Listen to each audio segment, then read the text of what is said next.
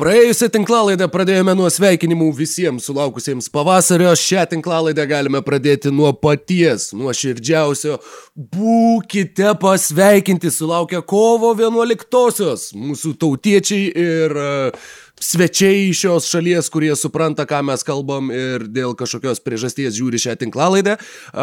Visus, visus su šia didžiai nuostabia švente. Tikiuosi, jog jūsų diena praėjo puikiai, kadangi jūs šią tinklalaidę jau girdite kovo 12-ąją. Tad tikiu, jog šventė tikrai visiems turėjo būti gera, kadangi nepaisant visų aplinkybių, viskas priklauso nuo mūsų. Ką mes susikūrėm, tą mes ir turim. Tai tikiuosi, jog pavyko ir jums susikurti kažką ypatingo. Na, o šią dieną su jumis sveikinasi NBO duetas Rokas Grajauskas, Mykolas Jankaitis. Dar sėki būkite pasveikinti visi ir būk pasveikintas Mykolai. Sveikas Rokas, sveiki klausytojai, prisidėsiu prie sveikinimų, turbūt jūs jau uh, girdite šitą tinklalaidą kovo 12 dieną arba šiek tiek vėliau, tačiau uh, be abejonės tokią progą na, visada pasveikinti uh, geriau vėliau negu niekada. Uh, buvau šiandien mieste, mm, parke, į kurį Rokai tu paskui Oho. vakare keliausi, tarp kitko tą patį. Tai tikrai labai labai nudžiugino daug šeimų, daug, nu, šeimų su vaikais, visi pasipuošę lietuvišką atributiką, labai patiko vienas bičias važiuojantis dviračiu su didžiulė trispalve ir tiesiog leidžiantis ten e, foje dainas. Iš savo bliutufinės kolonėlės, tai, nu, toksai labai, e, labai malonus jausmas. Ir tarp kitko, per praeitą, e, ne, per užpraeitą tinklalaidę tu vis žvengiai, kad mes ten pada, užkabinam girlandų ant mm. televizijos bokšto ir padarom ten didžiausią krepšinio lanką, didžiausią, jo, jo, jo. E, didžiausią glutę, tai dabar tikrai ant bokšto plevesuoja didžiulė vėliava televizijos ir atrodo žiauriai gražiai. Ir kažkaip tas toksai, jo, jo, jo, jo. jo.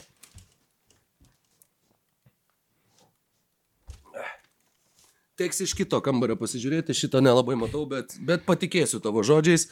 Jo, tai aš kažkaip įsivaizduoju ten, nu vėl ten, e, e, kiek prisimenu, nu ten tėčio ir senelio ten pasakojimus, tai e, kad tikrai va toks vaizdas, kad ant televizijos bokšto galėtų plebesuoti Lietuvos trispalvę, na, pakankam netaip jau ir seniai atrodė neįmanomas, dabar tai atrodo tiesiog kaip smagus, fainas dalykas, tai labai, labai smagu, kad e, galime tuo pasidžiaugti. Tai dar sėkmė. Aš tai šį rytą šį ryt labai džiaugiausi, e, eidamas miegot po visų NBA darbų, po naktinių transliacijų, po valančiūno benefiso. Tiesiog Kai ėjau miegot, lygiai tada tekėjo saulė ir iš mano kambario matosi kito kambario, kur, kur langai yra į rytų pusę, tai žodžiu, matėsi grinai, grinai saulėtekis, tokia raudona saulė ir tuo pačiu Gedimino pilis, trys kryžiai, arkikatedra. Tai kovo 11 rytą pastovėjau ir pameditavau kelias minutės žvelgdamas į tą vaizdą ir besidžiaugdamas, kaip visgi mes gerai gyvenam a, ir, ir kaip, kaip džiugu yra, kad galim štai kalbėti šitą kalbą ir, ir elgtis taip, kaip mums patinka, daugiau mažiau. Na ir po šitos tavo dabar gražios, melancholiškos, e, tokios e, fainos įžangos aš ką turiu pereiti prie visų žvaigždžių savaitgalio, taip, kuriam nei vieno iš tų epitetų nebuvo, nebūtų galima taikyti.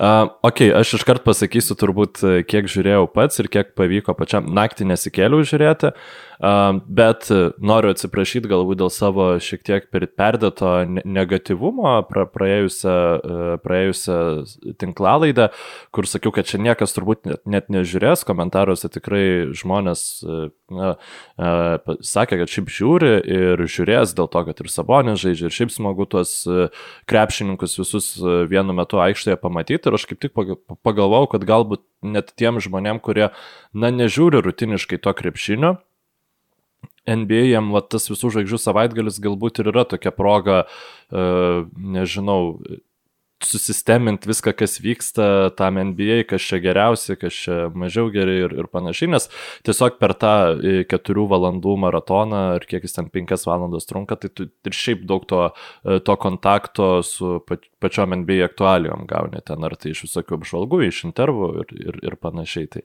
ja, ja. tai aš, Rainas aš pažiūrėjau, Rusilo. mhm. sakyk. Ką? Rainas Rusilo, man rodo, sakė, jog e, reikia nepamiršti, kad šitas renginys visų pirma yra vaikams. Ir jog didžiausia auditorija tai yra, nu, sakykime, nepilnamečiai, galbūt taip. Ir manau, kad ir pas mus Lietuvoje, na, galbūt mažiau yra tų žiūrinčių nepilnamečių, kadangi vis viena paros metas nėra tas, kai nepilnamečiai būna ypatingai aktyvūs, bet iš esmės yra ta auditorija, jinai galbūt nėra jos imtis nėra tokia, į kurią tradiciškai pakliūnam mes, bet šį kartą jo, pažiūrėjau tiesiogiai, pažiūrėjau tiesą tik tai iki dėjimų konkurso, po dėjimų konkurso nuėjau mėgoti, nes ar laimės Lebrono komanda, ar laimės Duranto komanda, man kažkaip didelės intrigos nebuvo. O kaip tu tas pats dalykas, kad skaičiuoja švieslintai dega kelinių rezultatai?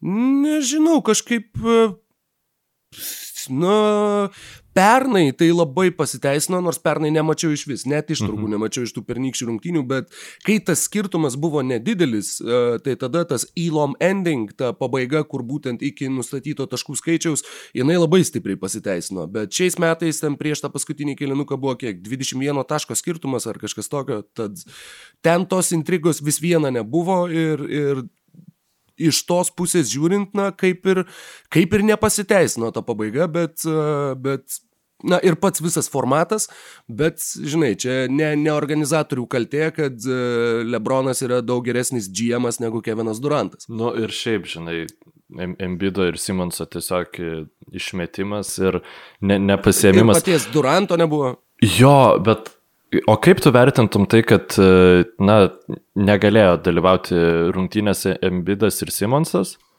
ir kad buvo nuspręsta nekviesti dar papildomų dviejų krepšininkų?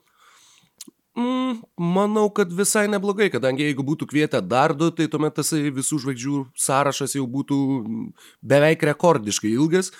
Plus tai paaiškėjo, kada, ar ne paskutinę dieną prieš rungtynės. Tai Man atrodo, ten pusantros buvo kažkur. Nu gal, nu, bet tai maždaug ten 24 valandos ar 30 valandų tau greitai surast, kas čia galėtų atskristi, ten testuotis viską ir taip toliau. Tur, turbūt ir techniškai tiesiog tai buvo nelabai įmanoma ir, ir NBA priėmė racionaliausią sprendimą. Galėjo Debajus su Butleriu pakviesti. Tiesiog kaip, kaip galėjo, bet, bet, bet matyt nepakvietė. Jo, nu jo, jo, tikriausiai net nebandė nieko kviesti, nes per, per, daug, per daug viso klapato. Aš tai šiaip pasižiūrėjau šitas e, iššūkių e, turnyrą, kuris vyko pats pirmas ir tritaškių e, e, turnyrą ir tada visai šiaip buvau jau tuo metu užsihypinęs, man labai e, smagu buvo su, su lietuvišku komentavimu klausiausi ir, ir, ir Rytis Višniauskas vienas visą tą maratoną atlaikė. Ir šiaip aš net pagalvojau, kad vienam komentuot iš tikro e, kur kas kokybiškesnis produktas turbūt gaunasi visų žvaigždžių e, rungtynės komentuojant vien, vienam negu dviese, nes aš pilnai matau, kaip dviese su bet kuo tu tiesiog pradedi, nu, užsiprikolint e, visiškai nesąmonės šnekėdamas jau po tų keturių e, valandų galiausiai užsibaigtum, nes, nu, e, ten tiesiog taip nerimtai visi žiūri į viską ir ta aura labai persidoda, tačiau at, rytis, kiek jis komentavo, net ir, sakykime, tą iššūkių turnyrą komentuodamas, va čia, čia greičio pranašumas, čia taip toliau, nu, tada bandė analizuoti tai, kas vyksta tuo metu, tai net ir visai įdomu buvo, bet jau kai prasidėjo pačios rungtynės, tai tiesiog jos tas, tos e, visų žvaigždžių rungtynės jos labai ir patį dėjimų konkursą primena, kažkaip bandai padaryti kažką tokio įspūdingo kiekvienos atakos metu ir tada niekas nesigauna ir to e, krep, krepšinio kaip ir nelabai lieka, žodžiu. Tai, jeigu dėjimų konkursas jis būtent ties dėjimu yra sukoncentruotas, tai visų žvaigždžių rungtynėse vis dėlto gal norėtųsi to nu, aišku, kad norėtųsi, kad daugiau stengtųsi, kad daugiau gintųsi, kad būtų tas krepšinis rimtesnis, bet aš manau, kad mes jau to turbūt niekada ir nebegausim tokiam turbūt, formate, koks jis yra dabar. Ne. Visgi, visgi pats principas uh, tų rungtynių yra toks, jog visi, visų pirma stengiasi nesusitraumuoti, visų antra stengiasi sukurti kažką gražaus. Tai be abejo, gynyba nėra tas dalykas, į kurį visi žiūrėtų labai rimtai. Ir tas rungtynės komentuojant, jas komentuoti rimtai iš esmės na, nereikia jų komentuoti rimtai. Tu sakai, kad labai ten galima užsibajariuoti ir kažkur tai jau nuplaukti labai toli nuo tų rungtynių. Mano manimu, tai nėra blogai visų žvaigždžių savaitgalį, kadangi kai tu labai rimtai bandai analizuoti tas rungtynės, kur niekas labai rimtai nežaidžia, tai irgi išeina toks truputį uh, nesusigrojimas tarp to, ką matai aikštėje ir kaip tai yra įpakuojama, sakykime. Nu, čia, žinai, ir dėl to, dėl, dar dėl rimto pažiūrėjimo tik tai norėjau pasakyti, kad buvo labai labai daug dalykų, kur man bent jau asmeniškai atrodė, e, kur tiesiog na, nebuvo pasiruošta jiems. Pavyzdžiui, kodėl Robertas Covingtonas dalyvauja įgūdžių konkurse? Tos informacijos nebuvo. Kodėl apie visus tuos historically black colleges tiek kalbama? Apie tai irgi visiškai nieko nebuvo. Ir buvo toks, na, žinai, kur tik tai aš išverčiu tai, ką išgirdau, o atrodo, kad pats iš savęs neatsinešiau visiškai nieko į tą renginį. Kodėl Cassiuso Stanley e, šuolis yra akcentuojamas prieš jam einant dėt? Todėl, kad jis pagerino visų laikų NCA rekordą, kurį prieš tai, prieš kiek čia jau porą metų užfiksavo Zionas, kalbant apie šuolį į orą. Ir, na, yra labai labai daug buvo tų detalių, kur tiesiog, na, buvo buvo, sakykime, ne, ne, mano ausiai buvo tiesiog nepasiruošta. Ir tuo pačiu, tarkim, kad e, Sabonis pirmas štai laimėjo, pirmas lietuvis laimėjęs kažkokį renginį visų žvaigždžių uh, konkurse visų žvaigždžių savaitgalyje, kur tai irgi netiesa.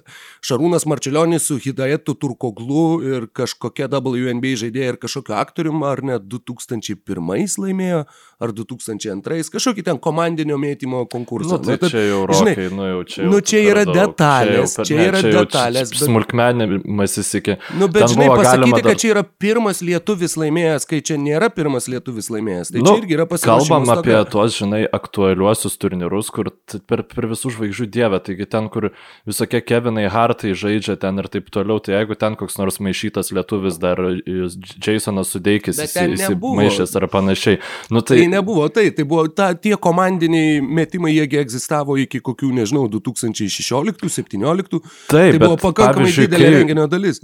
Kai būdavo tie, sakykime, nu, pagrindiniai plakatiniai e, turnyrai tai visada yra ta, tie keturi. Nu, iššūkių turnyras, tritaškai, andėjimų konkursas ir visų žvaigždžių rungtynės.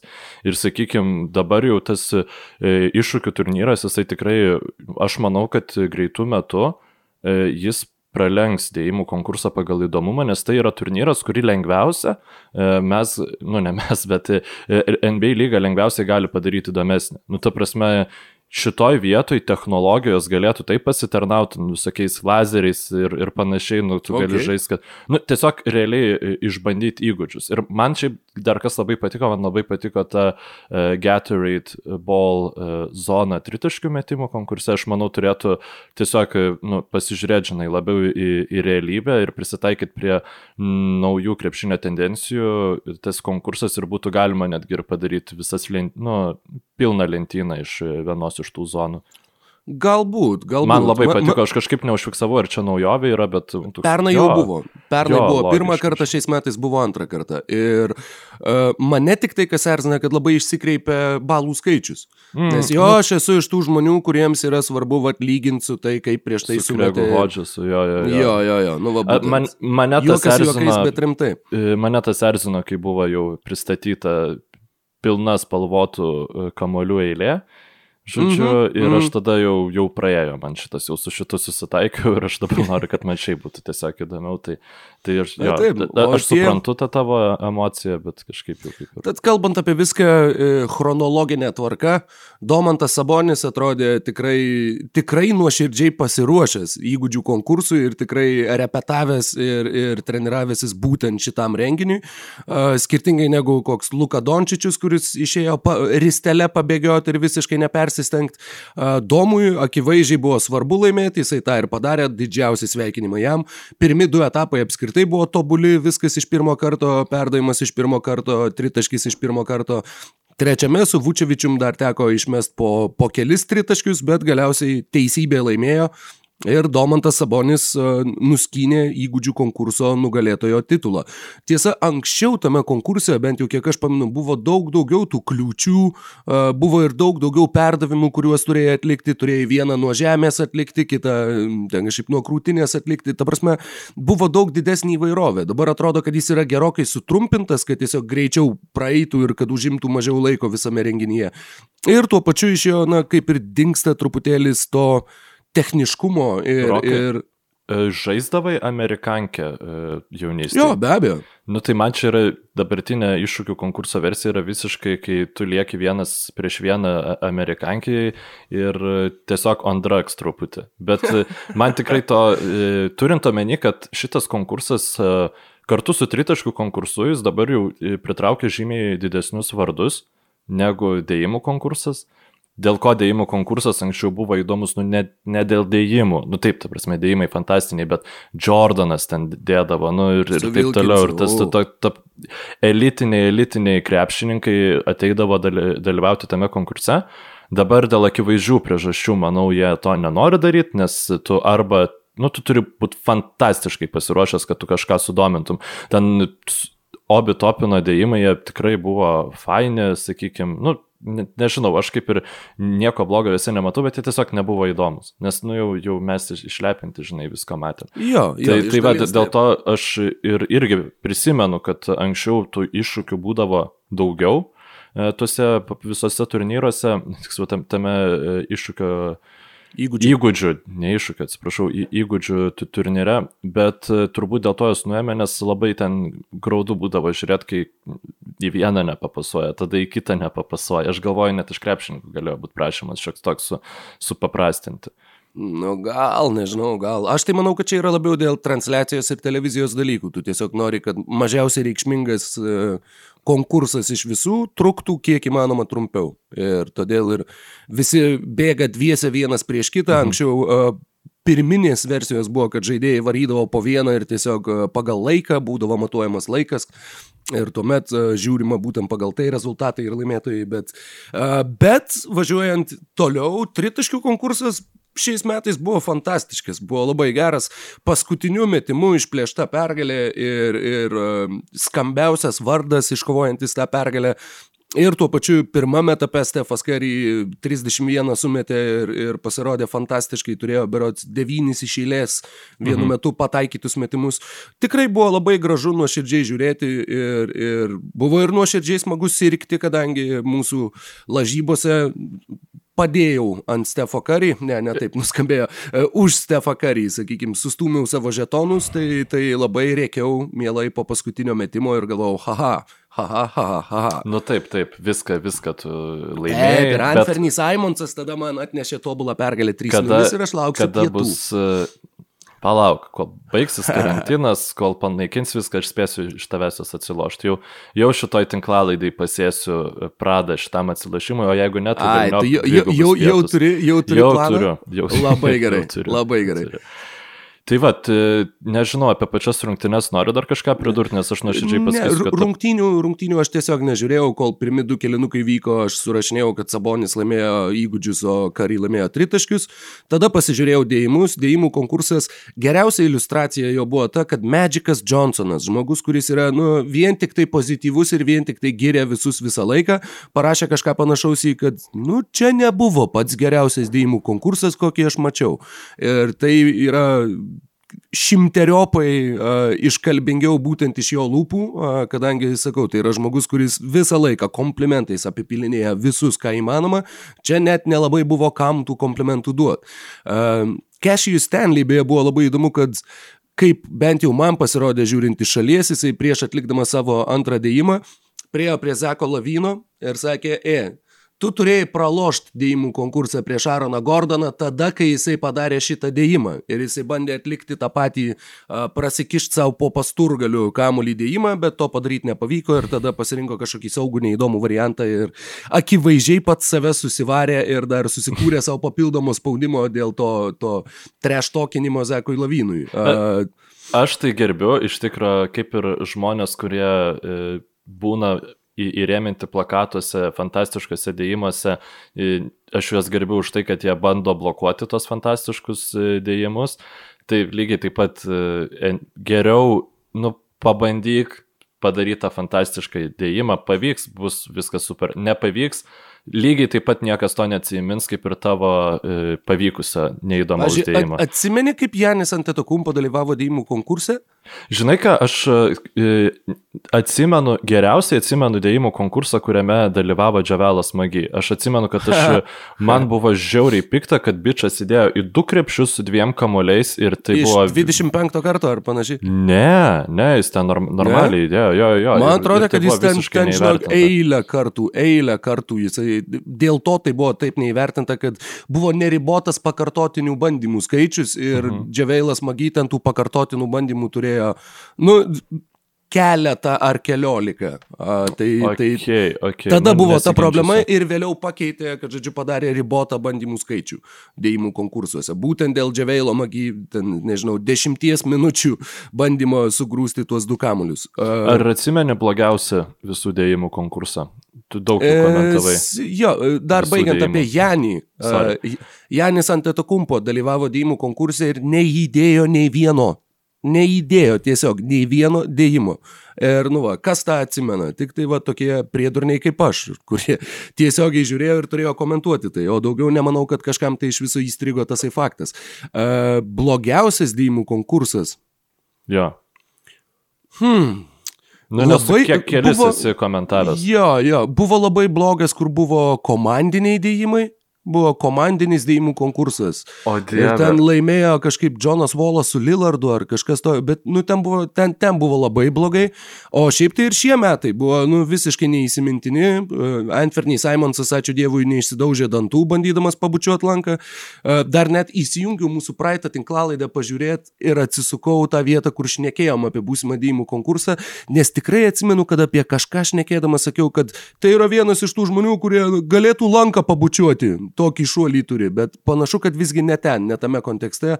Jeigu, jeigu būčiau dar tą paminėjęs ten, tuomet sakyčiau, kad aš 4-0 laimėjau šitas lažybas, o ne 3-0, nes dar ir atspėjau lemiamą dėjimą, kuriuo bus laimėtas dėjimų konkursas, nepaisant to, kad tokio dėjimo niekas niekada nedarė. Tai jeigu jau rokai baigėjai kilnot savo uodegą, tai galim galbūt Ga- perėti. Galiu dar pakilnoti, jeigu nori, bet...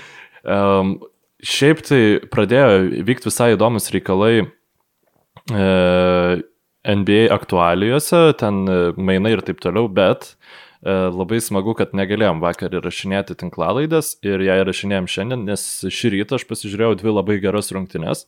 Dviejas. galbūt e, dviejas. Ačiū, Rokai. E, ir galbūt visada. reikėtų pradėti, na, nuo Jono Valančiūno benefiso.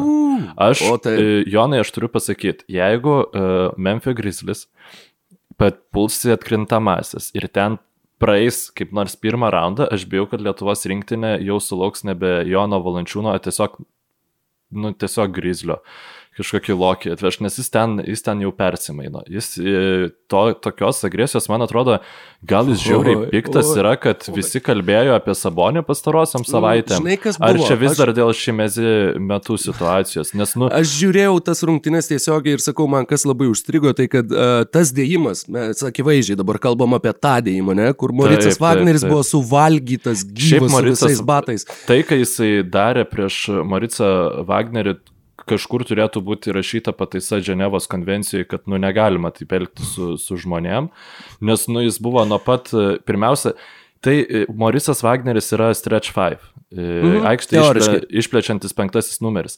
Tokios nepagarbos, kokią jam rodė gynyboje Jonas Valančiūnas pirmam kelinį, aš nesu matęs.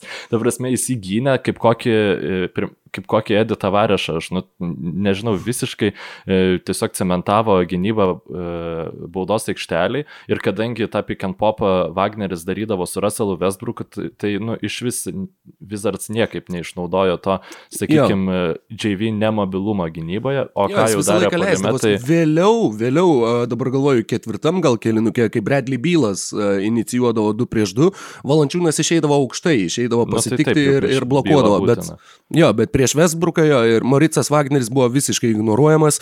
Dar vienas dalykas.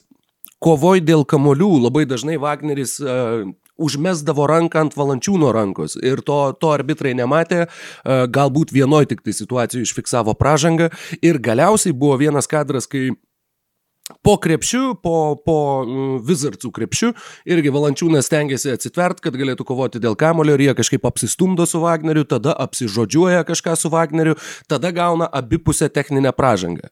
Ir net Grizzlių komentatorius Pytas Pranicas sakė, kad uh, kad that didn't look like a meeting of the United Nations. Ha, ha, ha, ha. Uh, tai žodžiu, po to epizodo, būtent kitoje atakoje, Džamorantas užmetė tą kamuolį valančiūnui, kuris uh, vokiečio veidą susigrūdo į pažastį ir su mėsom sugrūdo dėjimą tokį, kurio, nu tikrai, retai pamatysi tokį valančiūną, o ta reakcija apskritai buvo, kur, sakau, netgi grizlių komentatoriai apie tai kalbėjo, kad, nu, jisgi ramus žmogus, jisgi, jisgi, aš niekada jo tokio nesu matęs, o čia turbūt emocionaliausias, kokį mes jį kada nors matėme Memphije. Ir tai buvo tikrai akivaizdu ir netgi ir po to dėjimo dar kitoje atakoje Morantas veržės kažkaip pametė kamuolį, Valančiūnas ten netyčia jį sugrėbė ir dar įvertė du su pražanga, tik tai tas iki jau ne Wagneriui, o kažkam kitam. Nes per Tai tą dėjimą jisai... Lopezas buvo išleistas. O E, Robinas, Robinas jo. Jo, jo, jo, Šiaip labai kas, galėjo būt. Kas labai smagu, kad e, absoliučiai dominavo prieš Robiną Lopezą. Tu, manau, dar paantrinsi man, kad nuo Toronto Raptors laikų Robinas Lopezas buvo vienas iš tų krepšininkų, na, kuris visada prieš valančiūną sužaisdavo karjeros rungtynes arba tiesiog e, parodydavo, sakykime, kiek dar daug valančiūnų reikia iš- išmokti tą NBA krepšinio. Aš nežinau, aš labai laukiu toliau užsipisusio valančiūno, man labai, man labai patinka, mane labai intriguoja e, tas komandos pasirinkimas, akivaizdžiai per jį e, versti taškus ir turint omeny reguliaraus sezono gynybą prieš e, tos stipresnius vidurio polėjus, tai tiesiog elementariai komandos, kurios neturi labai pajėgių vidurio polėjų, per daug kažkokių tai ten gynybos Prisitaikymų, prisitaikymų mhm. nedaro ir versti per Joną taškus turėtų būti labai lengva ir man atrodo gali būti, kad e, lietuvis atvažiuos į rinktinę labai geros formos. Ir aš net iš tikrųjų parašiau e, Ryčiui Višniauskui pasitikslint norėjau, kas, kas pas Slovenus turėtų vidurio polėjo pozicijai žaisti.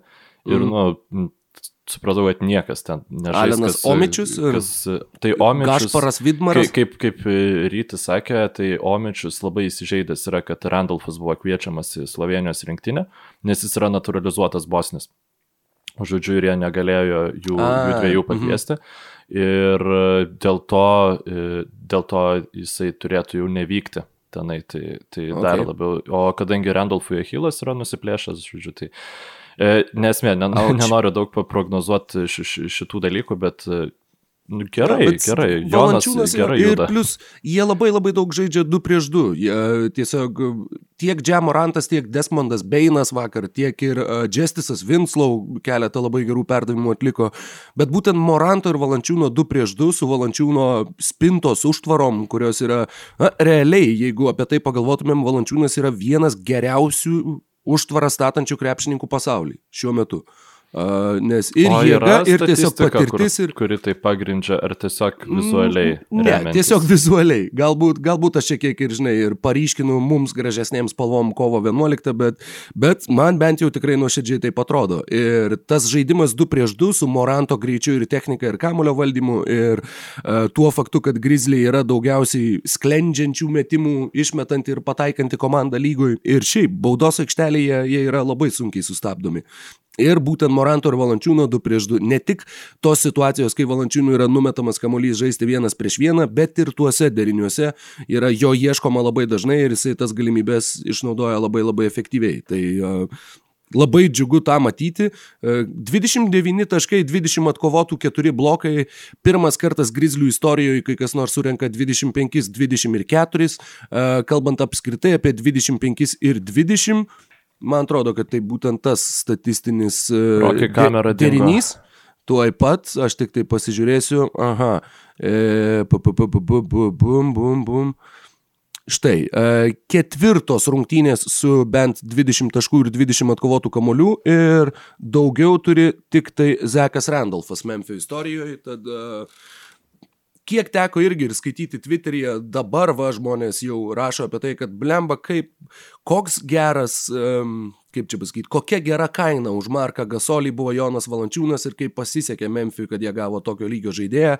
Uh, rungtynių metu Grizzlių komentatorius Pranica uh, sakė, jog Aš vieno dalyko nesuprantu, tai kaip ir kokio velnio Raptorsai jį leisdavo nuo suolo. Nu, koks krepšininkas, koks žaidėjas. Ir, žodžiu, irgi tų komplimentų ir ditirambų buvo labai daug prisakyta Jonui Valančiūnui.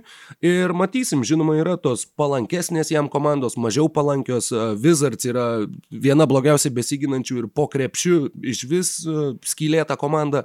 Tad čia ir buvo rungtynės, kuriam kai- kaip ir priklausė surinkti tuos taškus. Tai nereiškia, kad tai buvo labai lengva padaryti ar kad tam nereikia meistriškumo. Tačiau prieš kitas komandas, žinoma, gali būti sunkiau, bet šitoj likusioj sezono pusėje aš labai labai tikiuosi, kad matysim Valančiūną. Na, ne visada niekada renkantį 2020, bet e, tikrai žaidžiantį galingai ir e, suž, sužaisiantį geriausią sezono atkarpą savo karjerui. Aš labai, labai to tikiuosi ir labai norėčiau, kad, kad tai taptų realybė. Na, Jono minusai, sakykime, kaip krepšininko dėl titulo kovojančiose komandose, na, jie niekur nedingo. E, vis dar tai yra krepšininkas, kurį reikia slėpti gynyboje. Ir šiaip tarp kitko labai gerai tą darė, kai jau Jonas išeidinėjo aukščiau, labai gerai Brandonas Clarkas, pavyzdžiui, nusileisdavo po krepšių padėti ir kadangi tai yra stipraus sudėjimo didelio stoto irgi krepšininkas, jis labai gerai gali pasaugoti, nesukurdamas pranašumo po krepšių nusi, nusileidusiam net ir vidurio polėjui, jeigu, sakykime, ten jau Jonas išsikeičia ir uh, pameta savo, savo ginamą krepšininką, nu tada jau aišku reikia rotuotis ir uh, šiaip grizlių gynybiniai krepšininkai tą daro labai gerai, jeigu atmestumėm nuo jau patį Joną. Tai tikrai labai man įdomu, šiaip žiūriu į Valančiūną ir nesiliauju galvoti, kaip jis turėtų atrodyti Lietuvos rinktinėje. Sakau, aš manau, kad slovenam mes pralaimėti nu, negalim. Tikrai talento tiesiog yra per daug ir reikia tiesiog mokėti jį sudėti vieną vietą. Žinoma, yra Luka Dončičius, bet na, vis dėlto komandinis sportas yra krepšinis ir tokioj formai turint turinčius du NBA e, startinius krepšininkus žvaigždės, na mes negalim tuo nepasinaudoti. Ir be abejonės visas e, pagalbinis sąstatas e, yra kaip tik labai, labai, labai tam tinkamas. O... Kaip, kaip tu įsivaizduoji, Mykolai, man viena mintis šovė į galvą, aš dar specialiai pasitikrinau, nie karto to nėra daręs Domantas Sabonis šitam sezone, nežinau, ar iš viso yra daręs karjeroj, bet uh, atsimenant, pavyzdžiui, nu, pavyzdys tai labai blogas, bet aš niekada nepamiršiu tų rungtynių, kai Los Angeles Clippers e, pirmavo 3-1 prieš Houstono Rockets e, ir supylė visą seriją ir kur vienas iš dalykų, kuriuos jie suvarė, taip, 4-5 pick and rollas, kur sunkusis kraštas inicijuoja 2 prieš 2, vidurio polėjų statant užtvarą, ar tu įsivaizduoji Domantą Sabonį ir Joną Valančiūną žaidžiantį kartu 2 prieš 2 e, ir būtent kur Domantas Sabonis kontroliuoja kamuolį? Nežinau. jeigu mm, nuoširdžiai, jeigu nuoširdžiai e, manau, kad labiau bus naudojami standartiniai ten, žinai, e, ragai kokie nors, ten mm. ispaniškas pick and rollas labai gerai vat, su, su tokiais valančiūno ir sabonio sugebėjimais yra. Um, Gali būti, kad reikalui esant, sakykime, jeigu niekas neįs, tai pamatysim kars, kars nuo karto tokių epizodų, bet aš šiaip, jeigu jau su Milesu Turneriu jisai to nedaro, Indijanui, kas yra, nu, tiesiog akivaizdus, žinai, du prieš du į viršų ir savo ten Turneris arba tritaški bombina iš toli, arba, arba Sabonis jau žaidžia. Nes, matai, nu, vienas iš du prieš du tikslų yra susikurti pranašumą ir Sabonis jau ir taip dažniausiai prieš 90 procentų oponentų e, turi, turi, turės pranašumą toje ketvirtoje pozicijoje, jeigu žais po krepšiu, tai kažkaip tą kamolį ir kitaip ten galima įvesti. Nu, man taip atrodo. Galima, tiesiog, nebūtinai man, man tas atrodo, derinys labai daug ką, ką galėtų duoti Puolimai. Ir dėl netikėtumo faktoriaus, kadangi aš nemanau, jog yra daug ketvirtų numerių, kurie yra įpratę gintis prieš žaidėją valdantį kamuolį 2 prieš 2 situacijai. Nu. Ir tuo pačiu dėl to, jeigu, jeigu jie uh, turėtų labai gerą tarpusavio supratimą, labai gerą chemiją, o aš manau, kad tai tikrai nėra neįmanoma, ne, ne pirmus metus jie žaidžia kartu, žinoma, žaidžia tik tai rinktiniai, ne klube, bet vis viena išmano vienas kito stipresias ir silpnasias pusės. Aš visai įsivaizduoju, kad tai galėtų būti kaip toks, toks retai ištraukiamas kozeris, kuris kažkur galėtų patraukti rungtynės svarbiu metu. Dar šiek tiek norėjau prie Morico Wagnerio sugrįžti. tiesiog, Žinoma, labai svarbi, nes, labai svarbi asmenybė. Ne, tiesiog, kad, nu, kaip tu sakei, kad jis užkniso visų rungtynių metų valančiūną, tai aš dar, kaip supratau, kad jis yra ta, nu, tokia pikžaizdė, votis, kurios nekenčia visi centrai e, prieš, prieš jį žaidžia, nes jis būtent jis e, lenda visada, kai kovoja kitas dėl kamulio, jis ten pastums iš už nugaros, jis ten, e, pasi, nu, ką jis darė ir prie valančiūną, prieš valančiūną šokantį, kad jis tiesiog ėjo, jis jo nestumė, bet jis lindo po jo, žinai, kad jis, sakykime, nu, nukristų e, realiai. Ir dėl to aš manau, Jonas buvo antiek piktas, kad nes, jis net pasišerino paskui savo Twitter paskyroje e, tuo dėjimu, ko man atrodo įprastai jis pernelik, pernelik nedaro. Jo, jo, jo, ta... Man tai gražu buvo, kad prieš rungtynės jis įsikėlė nuotrauką savo su prierašu recharged arba pasikrovęs. Mhm. Ir iš tikrųjų buvo pakrautas labai gerai. Ir dar buvo labai simboliška, kad paskutinius savo taškus Valančiūnas pelnė kiek pusiai minutės likus su šešta Morico Wagnerio pražanga. Tai dar ant galo, dar tave dar, dar išmetė iš rungtynių, kad nepypautum daugiau ir ne, nelystum į akis. Tai, bet sakau, ne, Jeigu kalbam apie startinius centrus, tai Moricas Wagneris yra vienas blogiausių variantų lygoje ir, ir daug tokių oponentų valančiūnas nesutiks.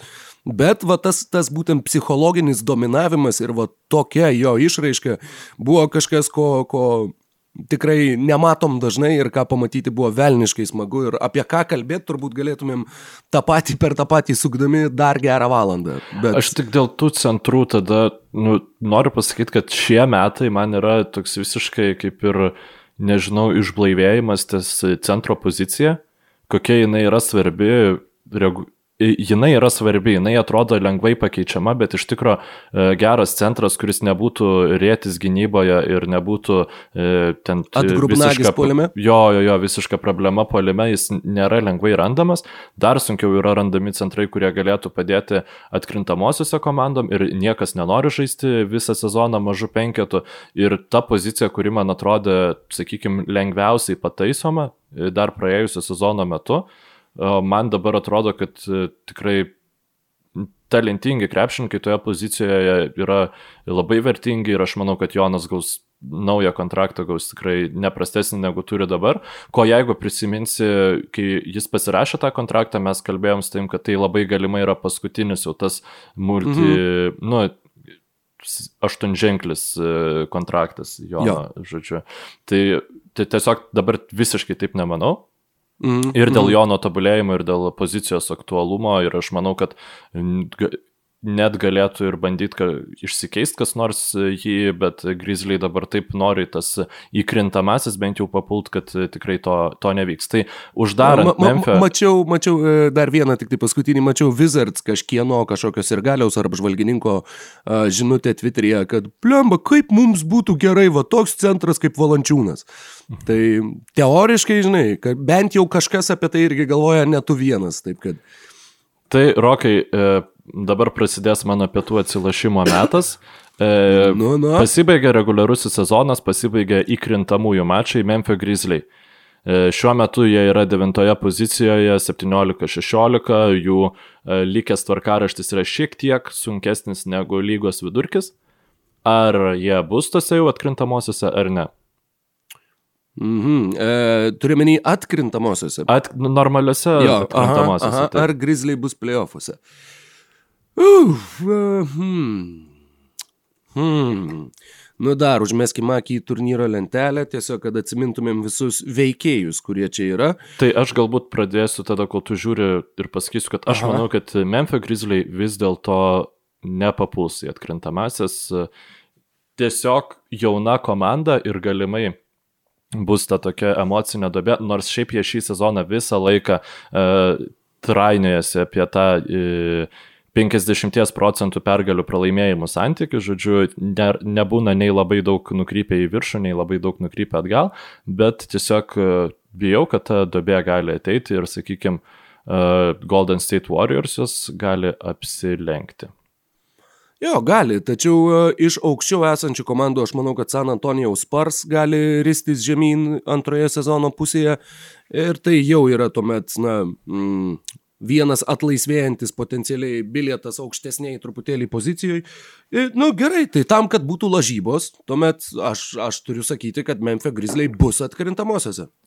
Puiku. E, tai čia jau mūsų nuomonės išsiskiria, o kalbant apie Anto... jų e, lentelės kaimynus, e, San Antonijos Spurs ir Delaso Mavericks tai yra dvi labai aktualios komandos, būtent e, Memphis Grizzliam ir šiaip visam tam atkrintamųjų paveikslui, nes aš per praeitą dar tinklalaidą sakau, kad reguliariam sezone yra įdomu matyti tas komandas, kurios žaidžia dėl kažko. Tai San Antonijos Spurs, kur Gregas Popovičius prieš rungtynes paskelbė, kad jie mėgins išmainyti Lamarkusą Aldridge'ą ir neišpirkinės jo kontrakto, bet taip pat pasakė, kad Lamarkusas Aldridge'as baigė karjerą San Antonijos Spurs gretose. Tai kitaip tariant, reiškia, jeigu jam nepavyks išmanyti, jie tikrai jį išpirks ir, žodžiu, tiesiog kažkas pasiims tą krepšininką, e, kas, manau, galbūt net ir labiau tikėtina. Jo. O San Antonijos Spurs e, dabar ateinantį sezoną, e, likusiai sezono daly turės antrą sunkiausią tvarkaraštį. Ir antrą lengviausią tvarkaraštį turinti komanda Dalaso Mavericks iš tikrųjų labai atkakliuose okay. rungtynėse e, įveikė San Antonijos Spurs ir mhm.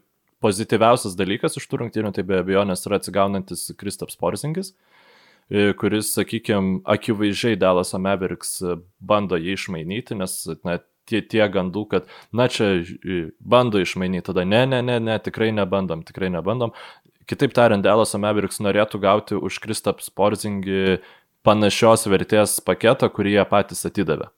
Žodžiu, mm -hmm. aš, aš manau, kad e, jie bando kažką tokio gauti, nemanau, kad jie gaus ir manau, kad Porzingis šį sezoną tikrai pabaigs e, Dallasą, nes tam, kad Dallasas būtų sėkmingas, e, aš kalbu ne tik apie šį sezoną, aš kalbu ir apie ateinančius sezonus, Kristapas Porzingis turi būti tai, kas jis, nu, bent 90 procentų to, ko iš jo tikėjosi Dallas Mavericks mainydami jį, nes praėjusią sezoną tai buvo vienas geriausiai krepšys augančių krepšininkų, šį sezoną jis tapo tuo, kurį kiek, po kiekvieno pick and rollo, sakykime, na, tikrai e, kaip karvė ant ledo kartais pasilieka, bet prieš San Antonijos Spurs tikrai atrodo solidžiai, be abejonės Spurs neturi tiek daug staigių krepšininkų, kurie galėtų pasinaudoti uh, Aldridge'o lietumu, na, mano tiesiog tokia. Aldridge'o. Atsiprašau, Porzingio. Porzingio. Labai atsiprašau, labai atsiprašau. Jo, kurie galėtų pasinaudoti Porzingio lietumu. Na ir be abejonės, dar ką apie Delaso Mavericks reiktų pasakyti, kad jų tas startinis penketas tai yra e, Dončičius, Richardsonas, Dorianas Finismitas, Maxi Klyber ir Kristaps Porzingis šiuo metu yra geriausia polima lygoje ir lygos istorijoje fiksuojantis penketas. Žodžiu, tai okay, okay. 131 tašką per 100 atakų. Renka o čia per kiek minučių, kokia imtis? Ar, ar nepasižymėjau, bet E, žaidė, Nes žodžiu, jie nėra tai yra, žaidę labai daug kartų. Tai yra didžiausia. E, tuoj, tuoj, tuoj sekundėlę. Tai yra mhm. daugiausiai e, taškų renkanti komanda, tiksliau, nu, geriausią polimo reitingą turintis penketas e, iš 46 penketų, kurie lygoje žaidė šį sezoną bent 100 minučių. Atsiprašau dėl mhm. lygos istorijos, tai nėra tiesa, bet būtent šį sezoną tai yra mhm. mhm. geriausiai krepšį atakuojantis penketas, turint omeny praėjusio sezono Mavericks pasirodymą ir šio sezono tendencija, na, šimto e, minučių ir daugiau imtis yra tikrai reikšminga, tai jo, jo. aš manau, kad čia nėra kažkoks, e, e, sakykime, iškrypimas ir turėtų tai būti visai vykusi tendencija. Ir šiaip Dallas Mavericks labai gerai įžengė su gera forma į visų žvaigždžių savaitgalį. Ir dabar manau, kad tęs ir aišku, aš prieš sezoną pasirinkau, kad jie taps e, pirma vieta toje jau vakarų konferencijoje, be abejonės šitos vietos jie neužims, bet aš e, manau, kad į atkrintamasis jie papult turėtų ir e, galbūt, galbūt net gali pakilti iki šeštos vietos, nors čia jau yra pakankamai didelis šuolis. Kaip tu manai, mm. Rokai, ar Dalaso Mavericks papuls į atkrintamasis ar ne? Manau, kad taip. Manau, kad o taip. Jie, jie... jie atradinėja pamažu save ir jiems sezono startas buvo labai sudėtingas. Vienas dalykas, kadangi aš laikau šitą screenshotą atsidaręs jau turbūt dvi minutės, e, aš radau basketball reference, kad Sparsai turi penktą sunkiausią likusį grafiką, mhm. o Dallaso Mavericks turi ketvirtą lengviausią. Tad... Nu čia matai, čia priklausomai iš, iš to, iš kur ėmė, aš ėmiau iš tankaton.com. Aš iš, aš iš basketball reference. Tad... Jo, tai, nu, žinai, basketball reference skaičiuoja šiek tiek skirtingai ir tos polimo e, jo, jo, nu, reitingus tai, na NBA puslapį. Vienai par kitaip. Proporcijos tai faktas, aiškios yra. Jo, jo. Vienų laukia labai labai sunkus grafikas, kitų laukia labai labai lengvas. Beje, pagal Basketball Reference sunkiausia likusi grafika turi Houstono Rockets, tai Taip, jų, jų tankui tai yra tas pats. pats, pats geriausias, e, pati geriausia naujiena, o lengviausias grafikas yra Jutos Jazz. Taip, bet čia žinai dar dėl ko, nes Jutas Jazz nežaidžia prieš Jutas Jazz, dėl to tas labai e, Tas kelia procentą, nes Jutas Jazz dabar matai- yra aiškiai stipriausia komanda lygoje pagal tos statistinius vertinimus. Tai. Mm. Ir su dar kalbant apie San Antonijaus Spurs, įskaitant ir šitas rungtynes, kurias jie sužaidė šią naktį, tai yra prieš Dallaso Mavericks, jie, kadangi turėjo daug atkeltų rungtynių uh, dėl COVID protokolų, jie dabar per 68 dienas žais 40 rungtynių. Tai yra protų sunkiai suvokiamas skaičius, bet tai yra tokia realybė. Ir, ir uh, tas rungtynių tankis ir dažnumas, uh, dažnis yra, yra, matysim irgi, kaip atsilieps. Na, štai Aldridge'as jau uh, nuo komandos atfutbolintas, tai jau kalbėti apie tai, kad kaip jam pavyks čia atsilaikyti šitiek jau kaip ir nebereikia. O kaip tu apskritai vertini tą naujieną apie Aldridge'ą ir ar sugalvojai kokią nors komandą, kuriai Lamarkusas Aldridge'as būtų, kaip čia pasakyti, reikšmingai naudingas šiame sezone? Aš matau, manau, kad tai yra komandos su blogu, nu, ta prasme, kurios turi problemų polime ir turi labai gerą gynybą, jeigu mes mhm. kalbam apie e, top top e, komandas. Iš tikro, manau, kad Los Angeles Lakers jeigu jie gautų, ta prasme, po išpirkimo, galėtų pasinaudoti Lamarkuso Mhm. Aldridžo buvimu, Pritariu. tiesiog, nes, sakykime, man atrodo, kad nepaisant savo amžiaus yra geresnis gynyboje negu Montrezas Herelas, statistikos aš tam neturiu pagrysti, bet tiesiog, na, San Antonijaus Spurs su juo turėdavo pakankamai ge- gerų gynybų, kai ten e, e, jau pasistengdavo. Nors, aišku, dabar Jakobas Purtlas visiškai nu, uždominavo tą vidurio polio Jo, poziciją. jo, ir ten skirtumas manau, yra kad- milžiniškas lyginant, e, kada žaidžia Purtlas ar kada žaidžia Aldridge'as. Su Jo. Purtlu yra plus ar 8 taškai per 100 atakų, su Aldridge'u gal minus 7. Bet žinai, nu, o skirtumas Aldridžo tikrai kaip ir didelis. valančiūnai, ten reikia paslėpti ir panašiai, bet man, nu, va, jisai tojose jau gynybose, kurios labiau yra taikomos prie jo, aš kalbu apie atkrintamasis jau būtent. Tai aš manau, kad jisai, na, geriau at, atrodytų negu at, atrodydavo Montrezas Herelas. Čia yra mano tik tai nuomonė. Sunku, sunku pasakyti. E, Bet, e, aišku, dėl kamuolių kovoja- kad jo, kad, kad jisai suteiktų dar papildomai, dar papildomą dimenciją Leikerių puolimui, kadangi uh, Herelas iš toliau nemeta, Gasolis apskritai šiame sezone Būtent, į krepšį nežiūri krepšį. Taip, o turėti tą žmogų, kuris va, praplėstų aikštę puolime ir galėtų reikalui esant tuos savo firminius iš vidutinio nuotolio pamėtyti, ar netgi ir tritaškius, kurių metė. Šiais metais beje meta daug, bet meta nelabai taikliai. Kiek pamenu, neturiu skaičių po akim, bet tikrai žemiau negu lygos vidurkis. Bet vis viena, tai būtų taip, tai žmogus, kuris dar kiek palengvintų puolimą labai gerai besiginančiai komandai. Tad pagal šitą tavo formulę aš irgi pritarčiau, kad Los Angeles Lakers yra, yra tas taškas, kuriame jisai turbūt daugiausiai atneštų naudos e, apie titulą galvojančiai komandai. 36 procentai iš e, po 3,6 metimo, tai na, pakankamai, pakankamai solidus skaičius. Na, reikia prisiminti, kad Lamarkusas Aldridžas 18-19 metų sezone jis ten visiškai e, žaidė 81 rungtynes ir e, tempė tą San Antonijaus komandą. Tikrai absoliučiai įspūdingą sezoną žaidė tuo metu Lamarkusas, e, bet jau praėjo du metai. Po to aš labai...